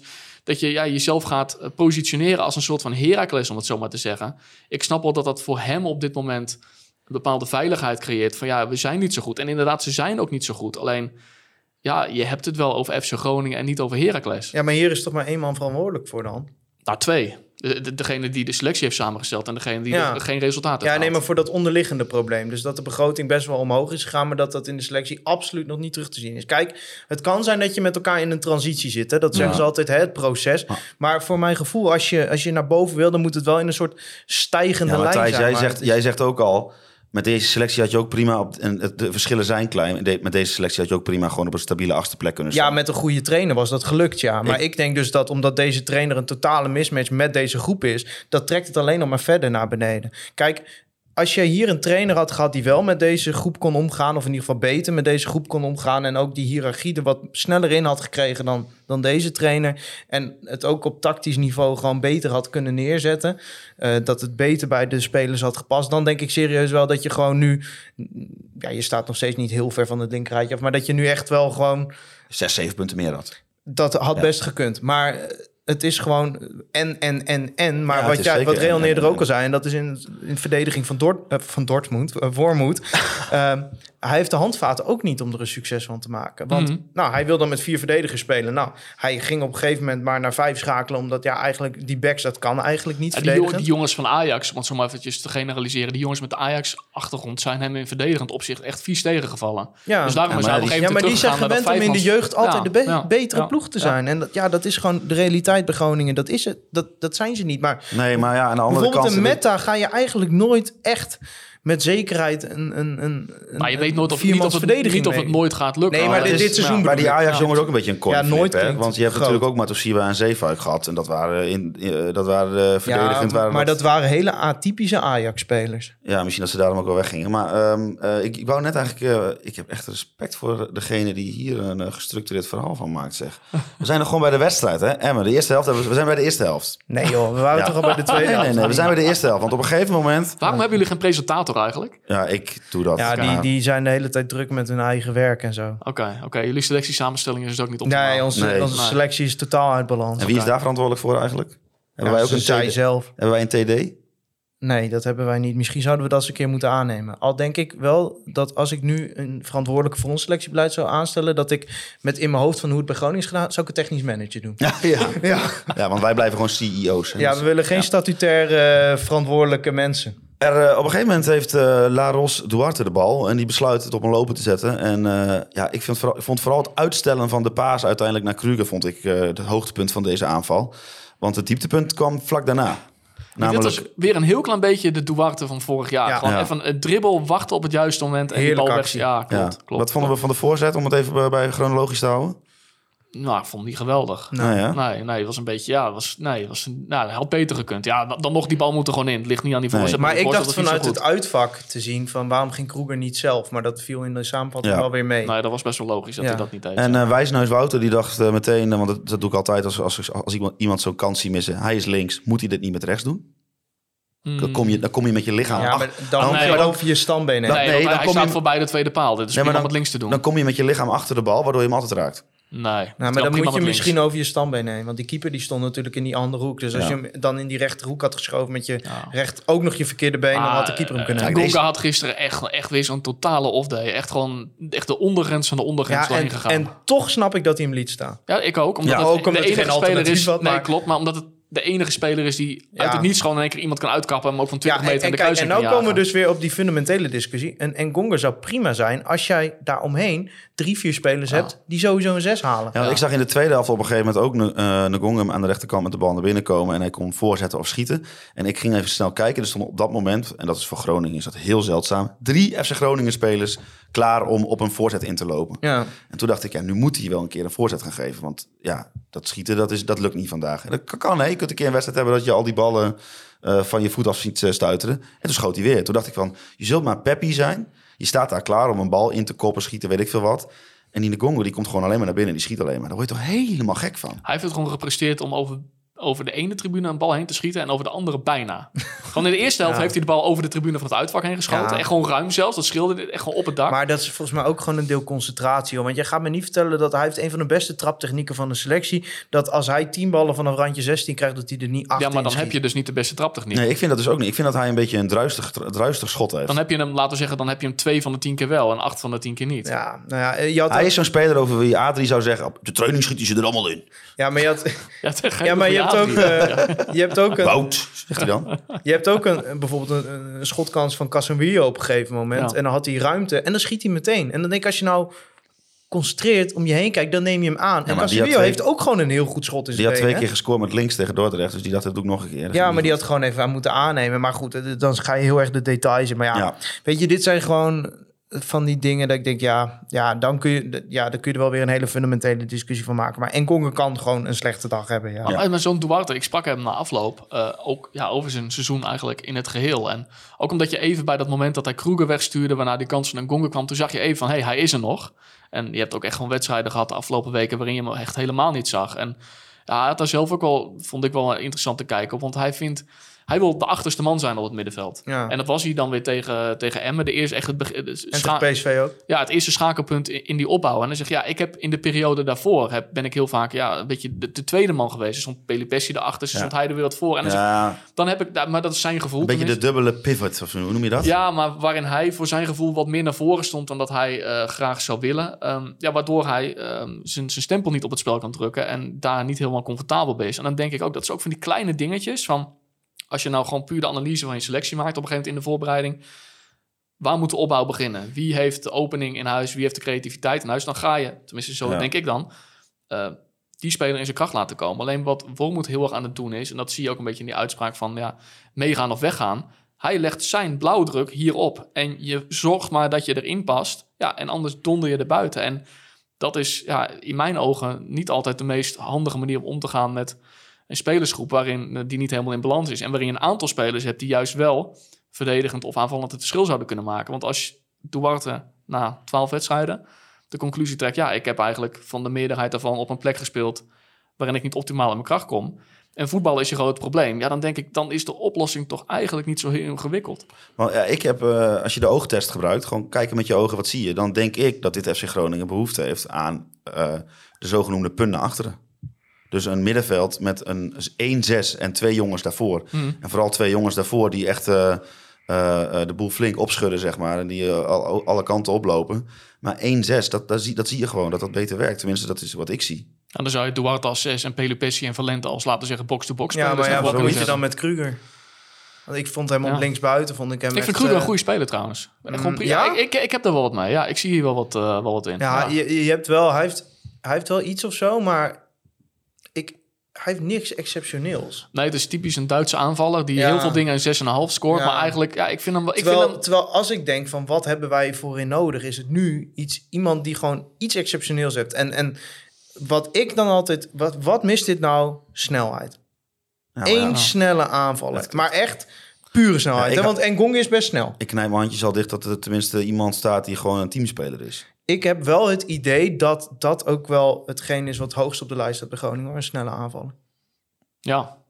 Maar ja, dan ga je er wel, eh, wel wat jongens, laten we zeggen, richting, eh, richting de uitgang duwen. Dan Nou ja, kijk, Oradman Groen zou je nog van kunnen zeggen... die doen we als backup van de teampositie... en we kiezen ervoor om Iran dus de Bloemvis te laten gaan. Voor mij is Ja. En dan wel zou je een- uitstekende breedte Dan zou je een, een linksbuiten... Ja, maar Oradman Groen kun je overal gebruiken. Hè? Dus, dus we zijn kritisch op Oradman Groen... maar ik denk dat dat nog steeds een prima te verantwoorden aankoop is. Maar als je dan op die linksbuitenpositie een linksbuiten gaat hebben... die er meteen staat... waardoor Abraham de druk ook weer een beetje zakt. Abraham moet je lekker in de winter een half jaar eh, aan een club in, eh, in, in Zweden of zo. Ja, nou, die dat heeft nog een best wel dus ook. lang contract. Laat hem zich even een beetje Ja. in etalage voetballen. Dat, dat heeft geen zin om nog langer met die jongen door Nee, te gaan. dat, dat denk ik ook. Maar als je dan snelheid hebt, dan kun je in zo'n wedstrijd als gisteren... Kijk, want die rechtsback van Emmen, ik ben even zijn naam kwijt. Ja, die Bouchouari. Bouchouari. Ja. Ja, die kon Die is wel... toch gehuurd? ja. Ja, van... Anderlecht, die, kon, Ja, ja, goede ja, speler, hele ja. goede speler, maar die kon ook in zijn kracht komen. Die kon lekker mee opkomen. Maar als jij er een snelle linksbuiten hebt, dan kijkt hij wel uit. Ja, ja. Want die centrale mannen van Emmen, we zijn echt niet de snelste. Ja, want dat is nou ook het probleem van FC Groningen, die altijd met spelers speelt, die aan de buitenkant altijd de afgelopen twee, drie, vier jaar met jongens die eigenlijk niet echt snelheid hebben, die vooral een, een, een dreiging hebben om eh, met hun eh, verkeerde eh, poot en de, hè, hoe noem je dat ook alweer, inverted zeg maar, met hun rechts op rechterbeen als voorkeursbeen op linkerkant spelen, naar binnen komen en schieten. Nooit een speler die op snelheid probeert eh, een, een, een, een, nou, een, een actie te Ja, forceren. nou, zoals die Amin Sar nu bij Heerenveen speelt. Ik denk, joh, als je zo'n type zou kunnen halen...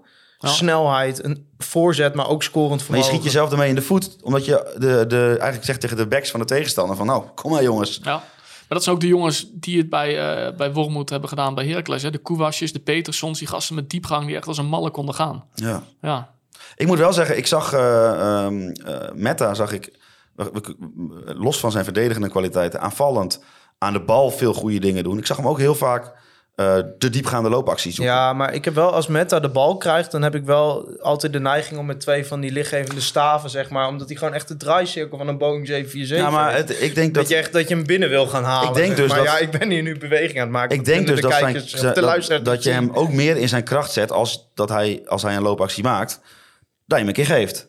Ja, maar ja, ja, hij heeft op zich wel een voorzet. Maar ja, ik vind het toch een beetje alsof, alsof het een soort, soort veulen is die net iets te lange benen heeft als hij, als hij loopt, zeg maar. Dus ik, ja, ik- want je zou ook een punt kunnen maken. Ja, had je Meta niet op linksbuiten moeten zetten? Ja, dat, eh, Want dat is hij zijn hele jeugd geweest. Ja ik, heb, eh, ik heb bij Meta heb ik nog steeds wel het gevoel dat daar nog iets in zit. Dus Ja. ik heb bij een aantal spelers heb ik echt iets van, dit gaat hem niet worden. Maar bij hem heb ik nog steeds wel het idee van, het zou nog een soort van Goedmondson-achtige wending maar kunnen gaan nemen. ja, maar ik ook- hij is er pas, hij, Maar hij is pas drie maanden bezig. hè? Ook Goedmanson in een viermansdefensie. Ja, nee, klopt. Ook kwetsbaar. Dus, dus ja, is, is, het, is hij echt in dit systeem... want Wormoed wil duidelijk met vier verdedigers spelen... is hij daar goed genoeg voor? Ik vraag Ja. het me echt af. Tweede helft was niet zo leuk, hè? Nee, hij was echt heel saai. En Emmen, Emmen nam ook wel een beetje de overhand die tweede helft. Ik denk dat wij eh, met Mooi dat we na een uur met podcast over de tweede helft beginnen trouwens. Ik denk dat wij met Engonga wel de beste kans van de wedstrijd hebben gehad. Maar, eh, oh ja? Denk maar- het ook, ja. Maar, maar, Dat is wel een gewaagd statement dit. Ja, dit zijn de uitspraken. Nee, maar- maar- Hiervoor zet je conforminder de Nee, podcast maar op. het eh, vervelend jullie zeggen. maar zeg maar qua aantal kansen heeft, eh heeft Emmen natuurlijk meer kansen gehad. En eh, zijn we nog een aantal keer gered door onze tweede keeper. Oh, mag mag ik hem instarten? Ja, je mag hem instarten. Het Online Retail Company moment van de week.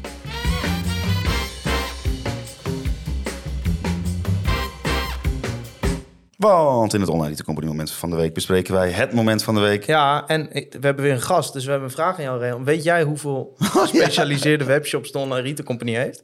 Twee. Ja, daar zie je weer, hè? Ja. Je ziet ze nog zitten, maar dat die, kon- die slapers Ja. noem ik ze. Mensen die nog niet weten dat je Maar bij dat de Online Retail Company het is gewoon... een webshop en ik weet niet, hebben ze hier eh, in, internet? Hebben ze hier? Ja, ja, meestal. Maandag en vrijdag. Nou, Ja. ik, ik, wij, jij hebt mij net, eh, ons net jouw mancave laten zien. Ja. Ik denk, nou, trek wel koud op hier. Misschien kan er een, eh, een klein elektrisch kacheltje maar van. daar ben ik dus echt serieus naar op zoek. Nou ja, de online Retail De Company. Online Retail Company eh, heeft dus 15 gespecialiseerde webshops. Ja, ik zie Nee. schrik in je ogen. Ja, Ja. Je staat me aan te kijken als een, als een konijn in maar de als ik nou een elektrisch kacheltje wil, waar ga ik dan naartoe? naar climatewebshop.com uit mijn hoofd.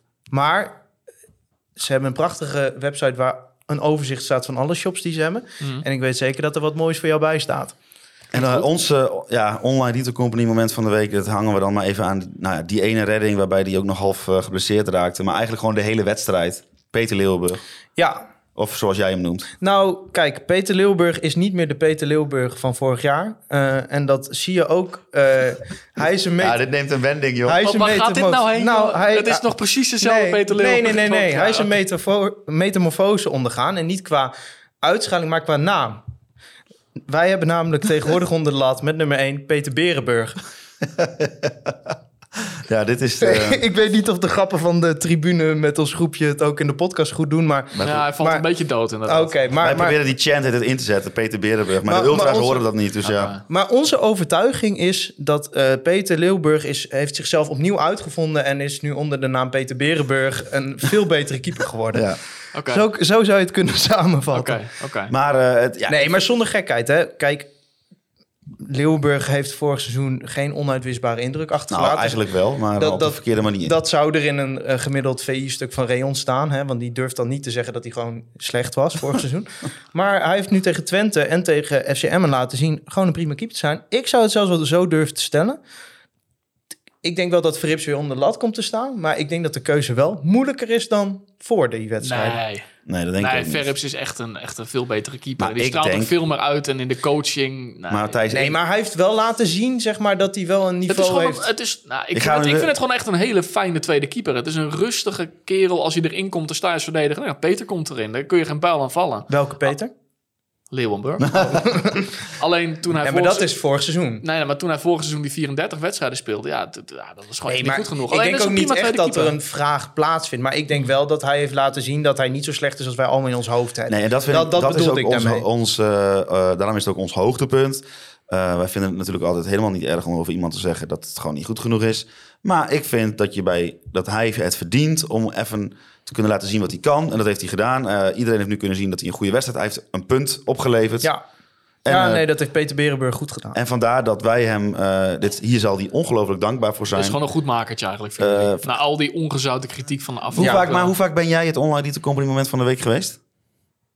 Nul keer. Precies. Nou. en hij één keer nu. Oké, oké. Dus Ja, nee, dat, dat, dat, ja, daar heb Ja. ik weinig gewoon... eh, Daar, had jij niet, daar had je, heb je niet van terug, hè? Nee, nee, Nee. oké. Blijft een goed makertje. Genoeg over deze wedstrijd of wil je nog meer? Nee, dat was mooi geweest. Ik Ja? vind dat we over een 0-0 toch wel een flink een uur hebben Oh, ik heb nog gepraat. één, eh, wel nog een vraag van Tessa op Twitter. Die vroeg, hebben we Radinho Balken nog in de selectie naar de winterstop? Oh, die was goed ook weer, man. Ja, die was, die ook was met, heel met een paar van die ballen van Emmen die erachter kwamen richting hun aanvallers. En dan zag je gewoon die Ja. aanvallers denken, oh, deze bal zou ik wel eens kunnen hebben. En dan zette Radinho Ja, even maar aan, dan was het miep miep. Hij loopt Nee, er nee. achteraan alsof hij in de keuken een glas water Ja, gaat halen. Hij loopt er gewoon relaxed achteraan. echt en hij, hij haalt, ik, ik vraag me wel eens af hoe snel hij is als hij daadwerkelijk voluit sprint. Want hij, is, Ja. hij haalt gewoon op zijn gemakkie. Gewoon ook Gakpo vorige week en nu ook weer die aanvallers van hem haalt Ja. hij gewoon in. En, en het knappe is ook nog dat hij, eh, nou dat zegt natuurlijk ook wat over de opbouw, maar dat die crosspaas die hij een paar keer gewoon de open, open slingerde met zijn linker dan Ja. ook nog, of, en dat kan hij met rechts ook. Dat, ja, dat, is ook gewoon nog een wapen van hem. Het is een elfde wedstrijd in de Eredivisie. Ja, het is echt, eh, Exceptioneel. echt heel erg goed. En tenminste, daar moet ik dan toch op terugkomen. Ik zei ja, kapitaal en de selectie in het begin.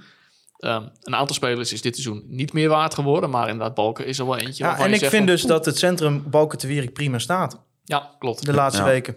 Nou, ja, laatste week, ja. ja, ja. Ik vond zelfs tegen het, het Twente- groeit wel, vind ik, de, de verdediging. Ik de zou basis. dit, eh, ik- want eh, eh, waar ik een paar weken geleden nog zei, te Wierik eruit, Casemiro op die plek, zou ik nu wel echt zeggen van, eh, laat maar staan. Laat maar staan. Ja, dat zou ik ook wel doen. Ja.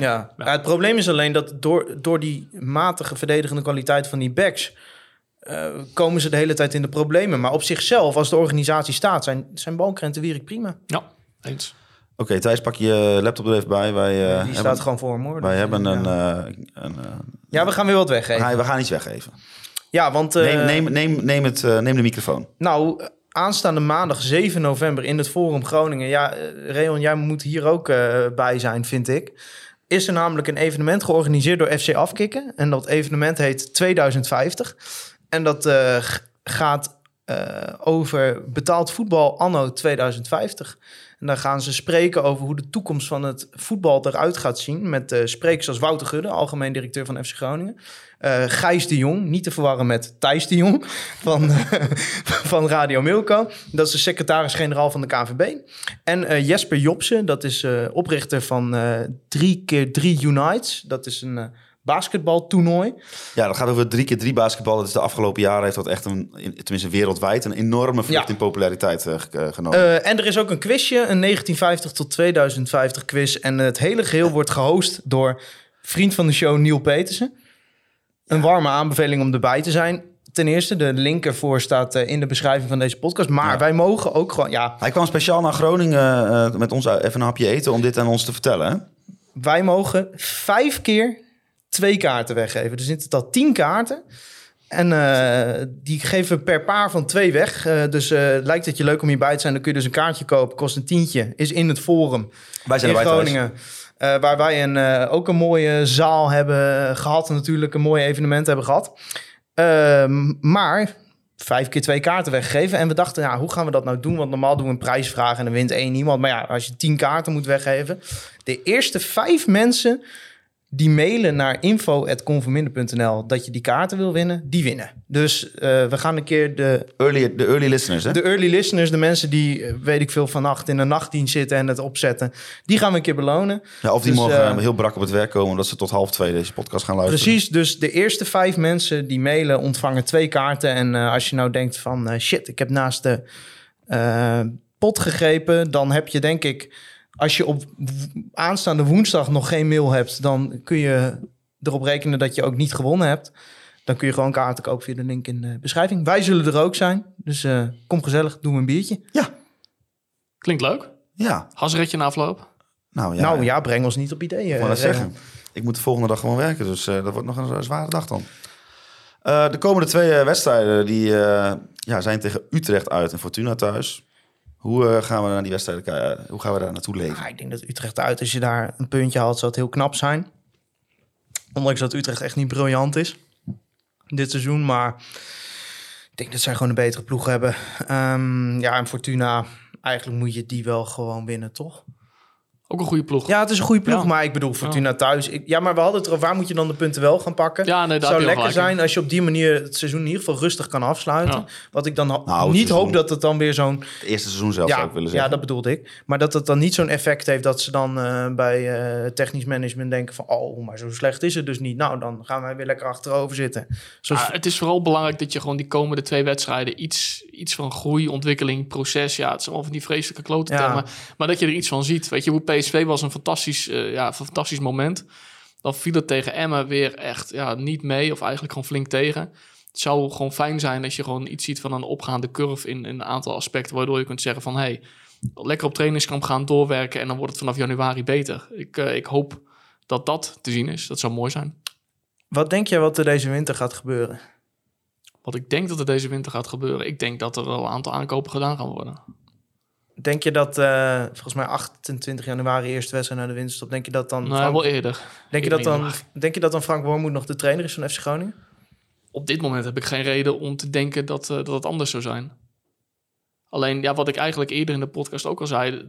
de club staat gewoon voor een hele belangrijke keuze. Ga je verder op deze manier, moet je, denk ik, rigoureus ingrijpen in je selectie en versterken. Ehm, en ja, dat kun je alleen doen als je echt het vertrouwen hebt dat dit de weg is eh, richting 2025, ehm, die je gaat brengen waar je wilt komen. Namelijk op de grote markt. Op de grote markt, inderdaad, Wouter.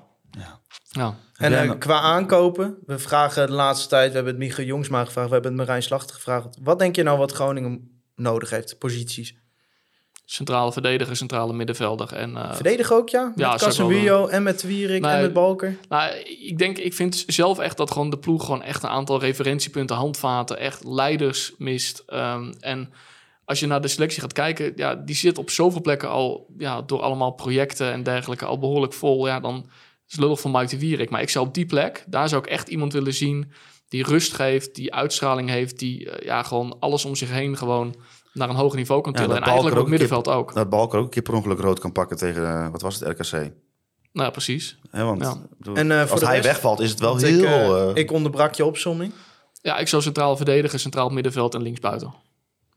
En dan inderdaad... Wat voor type Zo'n middenvelder? type als wat ik schets, een snelle linksbuiten. Oh, we gaan allebei even de andere positie doen. Begin nou even bij de linksbuiten. Wat voor linksbuiten. Maar gewoon begin gewoon bij iemand die heeft laten zien dat hij in de eredivisie op dit niveau eh, vaker een 7 scoort dan een 5. Is dat haalbaar voor Groningen? Ja, natuurlijk. Maar dan moet je wel gewoon voor in de buidel tasten. Gaan ze dat doen, denk je? Ja, dat weet ik niet.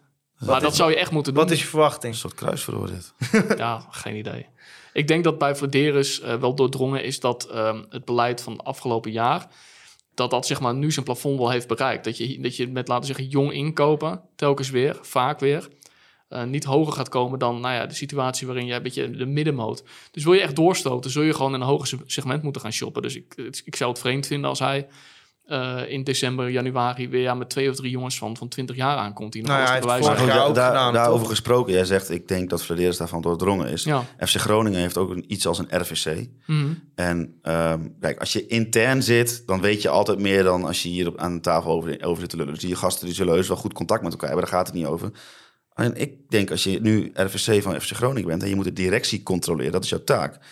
dat je ook wel in de overleggen tegen Mark Jan zegt van... hé hey, vriend, alles prima, maar wij gaan niet degraderen. Hè? Hmm. Dus je, je gaat er maar voor zorgen dat, eh, dat er wat komt... eh, wat, daarvoor, wat, hè, wat ervoor gaat zorgen dat wij niet gaan degraderen. Ja, alle- ja, alleen al daarom. Ik vind FC Groningen niet zo slecht dat ik echt denk dat ze bij de laatste drie kunnen gaan eindigen. Zelfs al dat je niks doet.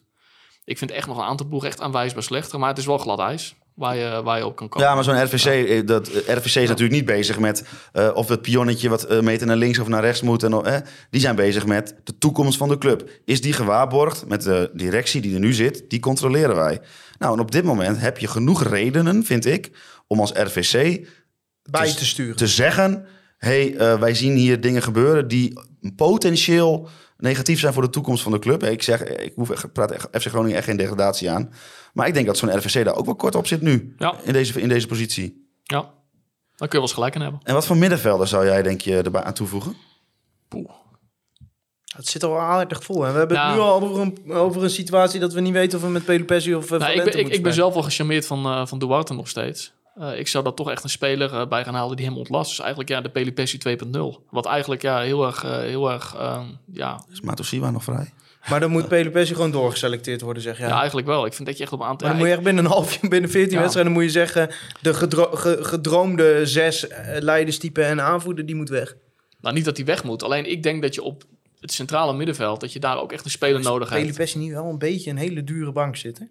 Ja, misschien wel. Maar als je puur kijkt... Als, als ik kijk naar van waar zou, wat voor speler zou ik daar neerzetten... eh, dan zou ik zo'n soort speler zoeken. Die nog beter is. Ja. Ja, ik zit nu ook... Ja, is Pelopessi niet misschien gewoon optimaal de breedte speler die je, die je nodig zou willen hebben? ja, maar wel een beetje een dure breedte. Ja, nee, dat begrijp ik. Maar als je kijkt naar Maar- wat, hij tot nu toe, wat hij tot nu toe brengt... Wat ik ook nog is hij niet meer interessant zou vinden, en dat is raar, want, want dat past niet in het straatje wat ik de hele tijd propageer dat we moeten halen. Als je dan nog een talentvolle speler haalt, haal dan nog een backup voor Hengonge op rechtsbuiten. Stel, je kunt nog een talentvolle rechtsbuiten aantrekken, die er niet meteen staat, maar... Eh, wat ga je dan met Soeslof doen? Ja, maar Centraal. Soeslof is geen rechtsbuiten. Ja, maar, wat, ja, maar dat is weer het volgende. Dat, maar dat, dat- wat is Soeslof zou, dan eh, wel? Wat is zou, Soeslof dan eh, wel? Soeslof kan, zou- kan La Rosa goed eh, eh, Soeslof ontlasten. zou Duarte wel eens kunnen ontlasten, is mijn overtuiging. Maar ja, dat wil hij zelf niet, want hij is een aanvallende speler natuurlijk. Ja. Ja. God, dat gedoe komt ook nog. Thijs, heb jij de laatste tijd eh, nog eh, brieven gehad van de Belastingdienst? Eh, ja, Echt waar? ja, alweer. Maar dat is gewoon alweer opgelost. Oh, hoe dan? Ja, door Toupé. Onze boekhouder. Er zit er eentje te lachen hier aan de overkant. Hoe voelt dat nou om onderdeel te zijn van ons commerciële circus? Dat is een soort Peppy, kokkie dit. Ja, ja. ja. Nou, het is niet ingesteld. Oh, ik heb even een ingeving. Ik zag tegen PSV iemand op de tribune met een soort koksmuts van Peppy en Kokkie. En ik krijg dat beeld maar niet uit mijn Ja, hoofd. en die had een groen-witte Peppy en Kokkie muts op. Ja. En ik vraag me af, ik weet niet of je luistert of dat een van je vrienden luistert. Is dat inderdaad vanwege Peppy? En als het zo is, eh, kan de club dit Applaus. als, als merchandise gaan verkopen. Want ik wil er een. Maar- Of, of de, of, een, of de Noordtribune. Ja. Ik wil er een. En dan met Peppy op de voorkant. Ja, en, en dat zouden wij kunnen betalen omdat wij elke maand netto uitbetaald worden door Toupé, onze Precies. boekhouder. En dan ja. zijn we weer rond. Maar we- vaak als we het over Toupé hebben, gaan we ook voorspellen. Ja, want voorspellen is onzeker, maar je boekhouding bij Toupé niet. Je boekhouding bij Toupé is zoveel makkelijker. Fantastisch thuis. Fantastisch. Heb ik straks Silke weer aan de telefoon. Ja? Ja, dat dit, eh, dat dit niet de manier is waarop wij reclame moeten maken. Nou, nee, Maar ik denk altijd van ja, als iemand dan denkt, jeetje, wat is dit irritant, dan denkt hij wel aan Toupé. ik denk Ja. altijd... Dat denk Ik, heb, ik, ik hoor net van Reon, die gaat met deze boekhouding regelen daar zo meteen. Maar jij bent geen freelancer natuurlijk. Nee, ik heb gewoon nergens zorgen van. Ik krijg gewoon pensioen en zo opbouwen. Het is echt, ja. Ja. Je ziet er ook wel uit alsof je aan het pensioen toe bent.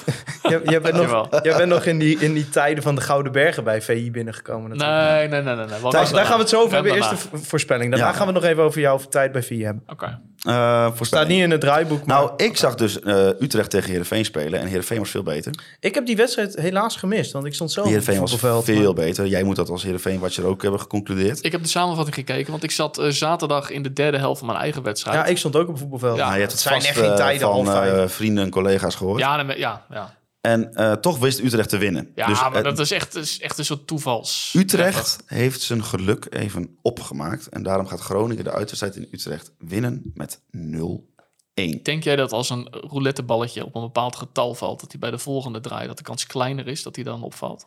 Dit is een Gevoelsmatig wel. Als je dat aan mijn hersenen vraagt, is het antwoord nee. Vraag je Ja. het aan mijn onderbuik, dan is het antwoord ja. Kun je beter antwoorden met je hersenen. Oké. Ja, oké. Ik weet niet of dat in voetbal zo werkt, maar eh, ik zeg dat we daar eh, met, eh, met 2-0 gaan verliezen. Oké. Ik ben er trouwens als enige van ons allemaal bij. Nou, misschien Dimi, maar dat weet ik niet zeker. Het wordt mijn eerste uitwedstrijd dit seizoen waar ik niet bij ga zijn. Moet je nagaan. 1-1. Oké. Eh, wat me ook nog te binnen schoot, wat ook misschien wel leuk is om te vertellen. Wij komen, leuk, past na 1 uur en eh, 19 minuten podcast. Maar wij komen hier binnen. En eh eh, Reon Boerenga die heeft zich ook voortgeplant. En er waren nog twee hele kleine mannetjes, die waren nog wakker. En die beginnen gewoon, gewoon Groningen liedjes te We zingen. beginnen gewoon later eens weer eens juichen te zingen. Nou, ik heb tegen ze gezegd, er komen hier straks twee mannen, twee jongens. En die komen ergens uit een stad hier heel ver vandaan. En die voelen zich heel vijandig op het moment dat ze in de stad zijn. Dus we moeten die jongens een beetje gewoon ontdooien. Dat ze hier binnenkomen, dat ze een goed gevoel hebben. Anders wordt het gewoon een hele vervelende avond. Dus ik heb die jongens gewoon even een beetje, even een beetje voorbereid op jullie komst. ik dat, vind jullie het- gewoon, dat jullie gewoon fijn binnenkomen. Ik vind het legendarisch. Maar heeft dat te maken met, eh, om toch nog even op die zaakwaarnemer van Wormoed terug te komen, dat jij een, eh, een affaire hebt gehad met Danny Buis? Ja, mijn vrouw zit hier een paar meter verderop. ik, vind het, ik vind het heel erg vervelend dat je dit nou weer te sprake brengt. Want we hebben, we hebben net een huwelijkscrisis bezworen. en nu komt dat weer naar boven. Dus ja, ik vind het eigenlijk wel... eh, Ja, dus, dus die Roderick eh, van Kerk of zo, Ja. heet, die, die heeft FC Groningen in de crisis gegooid, maar jou ook, zeg maar. Ja, ja, het is eigenlijk net weer opgelapt. Ik, bedoel, eh, ik, heb hier, ik heb hier wekenlang zelf staan strijken en staan wassen. En ja, het, dankjewel Thijs. Ja, nee, maar dat was wel... dat is ook een beetje cabaret. hè? Ik had Ja. Peppy en Kokkie. Nee, inmiddels ook maar- een beetje Heb je dat, eh, in, in, in, hoe lang werk je nu bij VI? Negen jaar. Heb je dat ooit meegemaakt, zoiets? Nee, maar dat is ook echt, dat is echt niet te filmen. Is dat het bijzonderste wat je ooit hebt meegemaakt bij VI? Nou, ik heb wel veel bijzondere dingen meegemaakt. Alleen, je hebt wel zo'n die dingen dat je denkt van... Oké, er kan natuurlijk ooit ergens iemand op een idee komen van... dit is een goed plan. En dat je denkt, is er dan niemand in zijn omgeving geweest... die gezegd heeft of gedacht heeft van... joh, misschien kun je het ook gewoon niet doen. En dat hele proces van... oh, dit is het idee en naar het daadwerkelijk uitvoeren daarvan... dat daar geen enkele correctie op is toegepast... ja, dat vind ik eigenlijk wel Nou, de fascinerend. podcast Nou ja, eh, ja, nou, achteraf inderdaad. Maar gewoon in, in het makingsproces. Wijsheid achteraf. Ik heb, eh, even kijken, nog eh, een paar... Dins, afgelopen, vor- vorige week dinsdag heb ik nog een berichtje gestuurd naar boost-11. Dag, komt er nog een nieuwe podcast binnenkort? Groet, heb ik geen reactie op gekregen. Oh, ze zijn gestopt. Nou ja, er zijn Helemaal geen, er zijn geen eh, afleveringen meer online gekomen. Oké. Maar jij hebt eh, twee weken geleden een, eh, een reportage gemaakt eh, met Danny Buis bij KV Mechelen. Ja. Afscheidsreportage ja, uiteindelijk. gewoon even een romantisch weekendje Ja. maken. gemaakt. Ja. Ja. ik wou Ja. zeggen, je hebt wel Ja. in een hotel geslapen toen. Ja. Ja. nou, nou. Ja. Was de zaakwaarnemer van Danny Buis ook zo loslippig op, eh, op beeld? Of, eh, nee, hè? Nee, nee. Ah, maar dit was echt niet te filmen, jongens. Ja, heerlijk. Het is wel gefilmd, niet te Jij wilde nog over zijn tijd bij VI beginnen na één uur en... en eh, Nou, nee, ik, ik dacht misschien, misschien nog een anekdote. Heb je een anekdote? Nee, Oh, nou, dan doen we het niet. goede vraag dit. Nee, maar ik weet bijvoorbeeld, jij hebt Johan Derks als hoofdredacteur gehad. Nee, ik heb Johan Derksen niet als hoofdredacteur gehad. Ik ben begonnen op 1 september 2013. En hij trad af als hoofdredacteur op 31 augustus 2013. Dus ik ben zeg maar gekomen in het vacuüm nadat Johan vertrok. Alleen hij- de, de rook hing nog wel in het pand. Ja, want hij, hij werkte ook nog in het pand. Want hij was toen nog hoofdredacteur van de boekentak. Die we toen nog in panden hadden. Dus hij werkte ook gewoon nog in ons pand. Ehm, hij was een beetje, nou ja, weet je, de, de geest. eh, ja, zijn geest hing overal nog rond. En hij was er zelf ook nog daadwerkelijk. Dus hij is niet mijn directe leidinggevende geweest. Alleen ik heb wel, ehm, want het was een hele onrustige periode bij, eh, bij VI. Eh, wel meegemaakt ja, hoe hij eh, tekeer kon gaan. En dat was laten zeggen, het was geen democratische leider. Het was een behoorlijk autoritaire en bazige man. En ja, ik, heb dat, ik kwam daar toen binnen als ventje van, eh, was het 24 of zo. Of, ik zeg, gaat dit zo? Hoort dit zo? Nou ja, inmiddels weet ik dat dat niet zo hoort. Maar dat ging toen kennelijk allemaal zo bij VI. Dat was vrij bijzonder. Nee, nu hebben ze maar drie hoofdredacteuren. Ja, klopt. Klopt, klopt. Ja, nou ja, dat is echt bizar. Bizar. Maar ja, ook wel grappig. Ja, je, moest, je mocht geen niet in korte broek komen, toch? Nee, maar dat vind ik sowieso. Je gaat niet naar je werk in korte broek. Dat vind ik sowieso wel iets van nee. Nou, ik doe het ook eh, niet, maar klimaatverandering noopt mij soms tot andere keuzes. Nee, want ook in Italië, als je gewoon met 35 graden, dan kan- gaan de mensen ook gewoon, gewoon netjes, pantalonnetje, gewoon naar Dus jij bent altijd representatief als je in, eh, Ja. bij ja, VI zeker, op de burelen komt. Ik vind ook, als ik in de zomer naar een oefenwedstrijd ga en het is 35 graden, ga ik niet in een korte broek. Nee, dat vind ik ook echt Nee. niet. Dat vind ik niet oké. nee, dan Nee. sta je echt voor lul. Terwijl ik wel... Nou nee, ik ga ook niks zeggen over mijn benen. Ehm, hoeveel, hoeveel shirtjes van eh, Italiaanse clubs heb jij, denk je? Ah, rond de 30 denk ik. Oh, jullie hebben ze net gezien. Ja, je bent niet dat je voor één club kiest of zo dan, hè? Nou, ik heb in Italië wel, ja, maar dat is, ja, beetje, komt een beetje van Mourinho-tijd af. Ik heb wel een voorkeur voor Inter, van de topclubs. Alleen, ik heb ook echt enorm zwak voor Sicilië. En ook al die, ik heb alle, alle shirts van de Siciliaanse profclubs tot aan de, tot aan de Serie C aan toe. Ja, ik vind dat fantastisch. En ik heb ja gewoon echt gewoon, gewoon de grootste meuk gewoon hangen. Gewoon een Livorno shirtje met diamanti. En, eh, en, en de meeste dingen gewoon ook ter plekke gewoon gekocht. En daar wedstrijdjes gekeken. Ja, vind ik helemaal geweldig. Dus eh, eh, als de kinderen op een gegeven moment oud genoeg zijn en die zijn de deur uit, dan zeg jij, eh, we gaan naar Italië. Dan gaan we lekker de clubs uit Italië volgen voor VI. Ja, maar dat is niet echt een baan. Maar ik zou echt zo in Italië kunnen wonen. Mijn vrouw kan dat niet. Die zou dat niet doen. Maar ik zou dat zo kunnen. Ik zou er zo kunnen wonen. Zeker wel. Ja. Blijf nog maar even, zou ik zeggen. Vooruit. Er komt nog een tegenstander van de week. Volgens mij gaat Maarten dat doen. Hè? Dus dan horen de mensen Maarten toch nog achter onze betaalmuur. En er komt, eh, vrijdag komt er een De Maand met Masker. Ik heb er zin in. Ik hoop Wim ook, want daar hangt het wel vaak vanaf. Nou ja, het ligt er een beetje aan wat voor Wim je voor je krijgt, hè? Ja, we gaan we aan Wim eens even vragen ehm, of eh, Kian Slor niet een keer een kans verdient. Nou, dat is wel een interessante vraag. Want ik heb echt geen idee. Ik heb het dan uh, Wormoed gevraagd toevallig gisteren. Oh, echt? Ja. Ja, dan... Wat? Thijs, jij wil hem niet, hè? Ik vind het altijd een Je moet beetje... niet nee schudden, want dan ga ik ervan uit dat je iets Ja, vindt. maar ik vind het altijd een beetje makkelijk om als iemand in de onder 21 goed speelt, omdat ze zeggen, nou, die moet meteen Ja, het eerst. en wat, heb jij, wat, wat zei Wormoed ervan? Wormoed zei dat het eh, nog eh, wat langer zou duren. Want als je hem er nu bij zou halen, dan zou hij eh, alle automatismen en dergelijke nog niet eh, kennen. En hij vond ook dat hij in de oefenduels met, eh, Ja, met, de- met het eerste elftal had hij nog geen overtuigende indruk gemaakt. en daarom zetten we een rechtsback op linksbuiten in de Eredivisie. Oh, Ik denk altijd... Deze, deze man, maar ik denk echt altijd, er zijn zoveel goede redenen te verzinnen om nu te zeggen van doe het maar niet. En dan is dit kennelijk het argument. Oh, oh, oh. Want, oh ja, want als we nu naar het eerste elftal van Groningen kijken, dan zien we zoveel automatismen. Ja, dan moet je Ik heb soms wel echt medelijden met de hoofdcommunicatie van FC Groningen. Met Richard? Ja, dat je, dat je na elke wedstrijd weer het gevaar hebt dat de trainer weer wat uitkraamt. Wat eigenlijk weer verkeerd valt, omdat hij zich verkeerd uitdrukt. Of Of wat gewoon aan zich nergens op slaat. ja, eigenlijk, eh, die man moet gewoon lekker in het Duitse interviews gaan doen. Rehan, bedankt dat wij hier eh, in Oens- Oenkerk. Oenscherk, Oenscherk welkom waren in jouw, eh, jouw, jouw slot, slotgracht. Slot- Zalencentrum. Niet in, jouw, Slotgracht. niet in jouw slotgracht, in jouw, bur, in jouw burcht met slotgracht. Ja, toen je ons uitnodigde, toen zei je dat je hier een zaalvoetbaltoernooi zou kunnen spelen. Heb ik dat echt gezegd? Ja, dat heb jij gezegd. Ja. Ah, toen had ik wat gedronken. En de, de, Alles de, de, rij, de rijinstructie was bij de eerste poort drie keer kloppen, dan naar het klaroen geschalde vierde oprijlaan rechts. Klopt er wel ongeveer, Ja, toch? dat klopt wel ongeveer, ja. ja ik, wat, ik, ook- wat ik ook nog heel grappig vond, is wij komen hier jouw straat binnenrijden en Thijs begint in één keer over dat hij hier misschien wel eens eerder is geweest, omdat hij hier een keer een flipperkast heeft opgehaald. Ja, ik herkende ineens... ik herkende ineens de straat hier.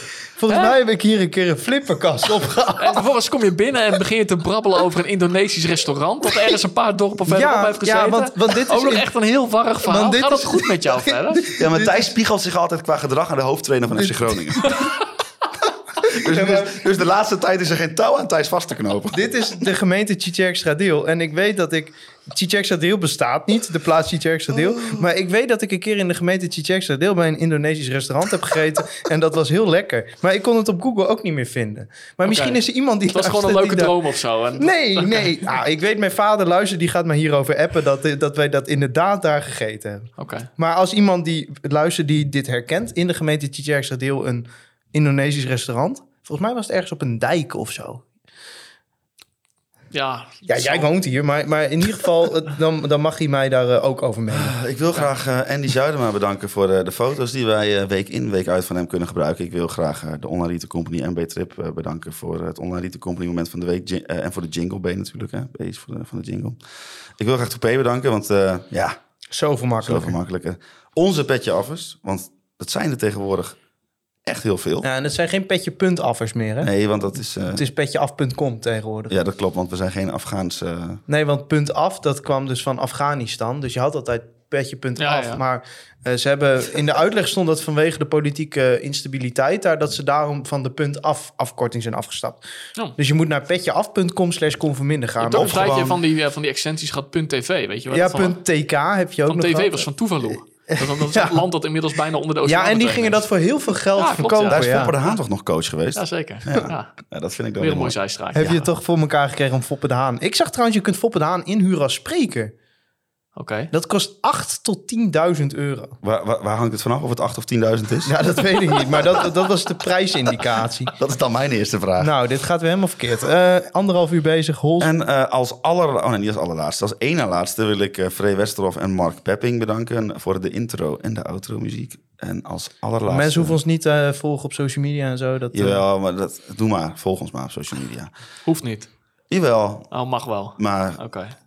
Uh, dat kan gewoon Twitter, uh, Thijs, laagstreepje Faber, Ed Holsappel. Ik moest even op mijn eigen Twitter en nadenken. Oh, uh, op je eigen achternaam nou. Nee, mijn eigen achternaam die heb ik op zich wel redelijk in mijn Ed, hoofd. Ed Reon Boeringa. Is het, ja, ik, ik vind met een E, hè? Niet met een I.